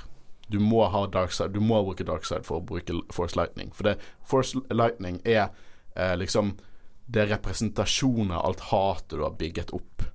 Ok, Så han tar det til seg og skyter det tilbake igjen? Ja, til Det er til og med et gameplay-element i Battlefront 2 der han kan ta imot seg energi og skyte det tilbake igjen. Ok, dødskult. Du kan se i armen hans at det blir på en måte en liten orbe Ja, som han lukker. Eh, og mange har teorier for det. Og ja, spoiler alert. Yoda har en lightsaber, og han hopper rundt omkring som en liten ball. Og noen har teorier om at han faktisk tar energien, absorberer energien, og bruker det. Jeg tror ikke på det, for at i eh, episode tre så ser du han bruker eh, hopper rundt som en akrobat uansett, så jeg tror ikke på det. første gang jeg så den scenen, tror jeg jeg, jeg, jeg lo så sykt. Men jeg lo på en badass. At det var Ja, badass. det på en var dritkult. Det er så absurd, men badass på samme måte. Men uh, tror du uh, Altså, er det bare et skuespill av Yoda at han er så gammel og skrøpelig, eller bruker han kraften for Eller liksom han er slåss? veldig på å absorbere eh, det. Men å- det, det bruker, alt det du sier her, er gode teorier på hvorfor han er, er sånn. Jeg tror også enten at han, han bruker kraften. Han sier jo hele tiden 'The forces my ally'. Mm. Så fysisk er han kanskje skrøpelig, men han kan på en måte absorbere the force på en helt annen måte enn andre kan. Og jeg syns det er veldig kult. Ingenting imot det. Jeg liker at han er sånn bitte lite søtt lightsaber som har bitte liten uh, håndtak, og det er mye mindre enn alle andre. Og så bare hopper han rundt omkring og bare Ja, og mens han skriker. Det er kjempekult. Men på én måte, hvis jeg skal kritisere det litt, så synes jeg fra originaltrilogien at Yoda er så mektig og spirituell at han ikke burde trenge å bruke en lightsaber. Jeg synes at han burde være så mektig med The Force at bare hele ideen med lightsabers burde bare vært trivielt for han. Skjønner dere hva jeg mener? Så egentlig så burde han bare tatt Kantuku, bare Ja, heller det. Ja. Syns jeg faktisk. Det gir mer mening til karakteren vi har sett i originaltrilogien. Men for plott sin del så hadde det vært litt sånn Men dette, men dette her er jo helt klart visuelt kulere. Ja, visuelt kulere. Men i hvert fall, det ender jo med at Kantuku eh, får panikk. Og så tar han og prøver å kaste en stor sånn søyle over Anakin og Obi-Wan som ligger der eh, hjelpeløse og halvdøde. Og så da tar uh, Yoda og stopper det, mens uh, Dooku klarer å komme seg vekk. Og jeg, det er ikke så mye mer å si om akkurat den scenen hvis ikke dere har noe å påpeke. For det at jeg vil egentlig gått videre til neste scene når Dooku lander på Corisont. Musikken og tonen nå når han ankommer Corisont, det er mørkt. Eh, du hører på en måte Sidious sitt theme. Sånn derre munke-Sith-chanting. Uh, det gjør meg jævlig hypet å se Palpatine igjen i Rise of Skywalker. Ja, denne scenen gjør det. Og så kommer Sidious ut, og han, uh, han egentlig sier uh, You did well, Darth Tyrannus. Det er Lord Tyrannus. Og det, det er det kuleste Sith-navnet. Jeg må si det. Kantuku er langt ifra min favoritt-Sith. Han, han, gjør mye mer i bøkene og i Clone Wars, men Darth Tyrannus høres så jævlig badass ut. Hvis du bare hører navnet Darth Tyrannus, så høres det ut som sykeste Sith-lorden. Tenker litt en T-rex i robes, men det høres ut som sykeste Sith-lorden som finnes.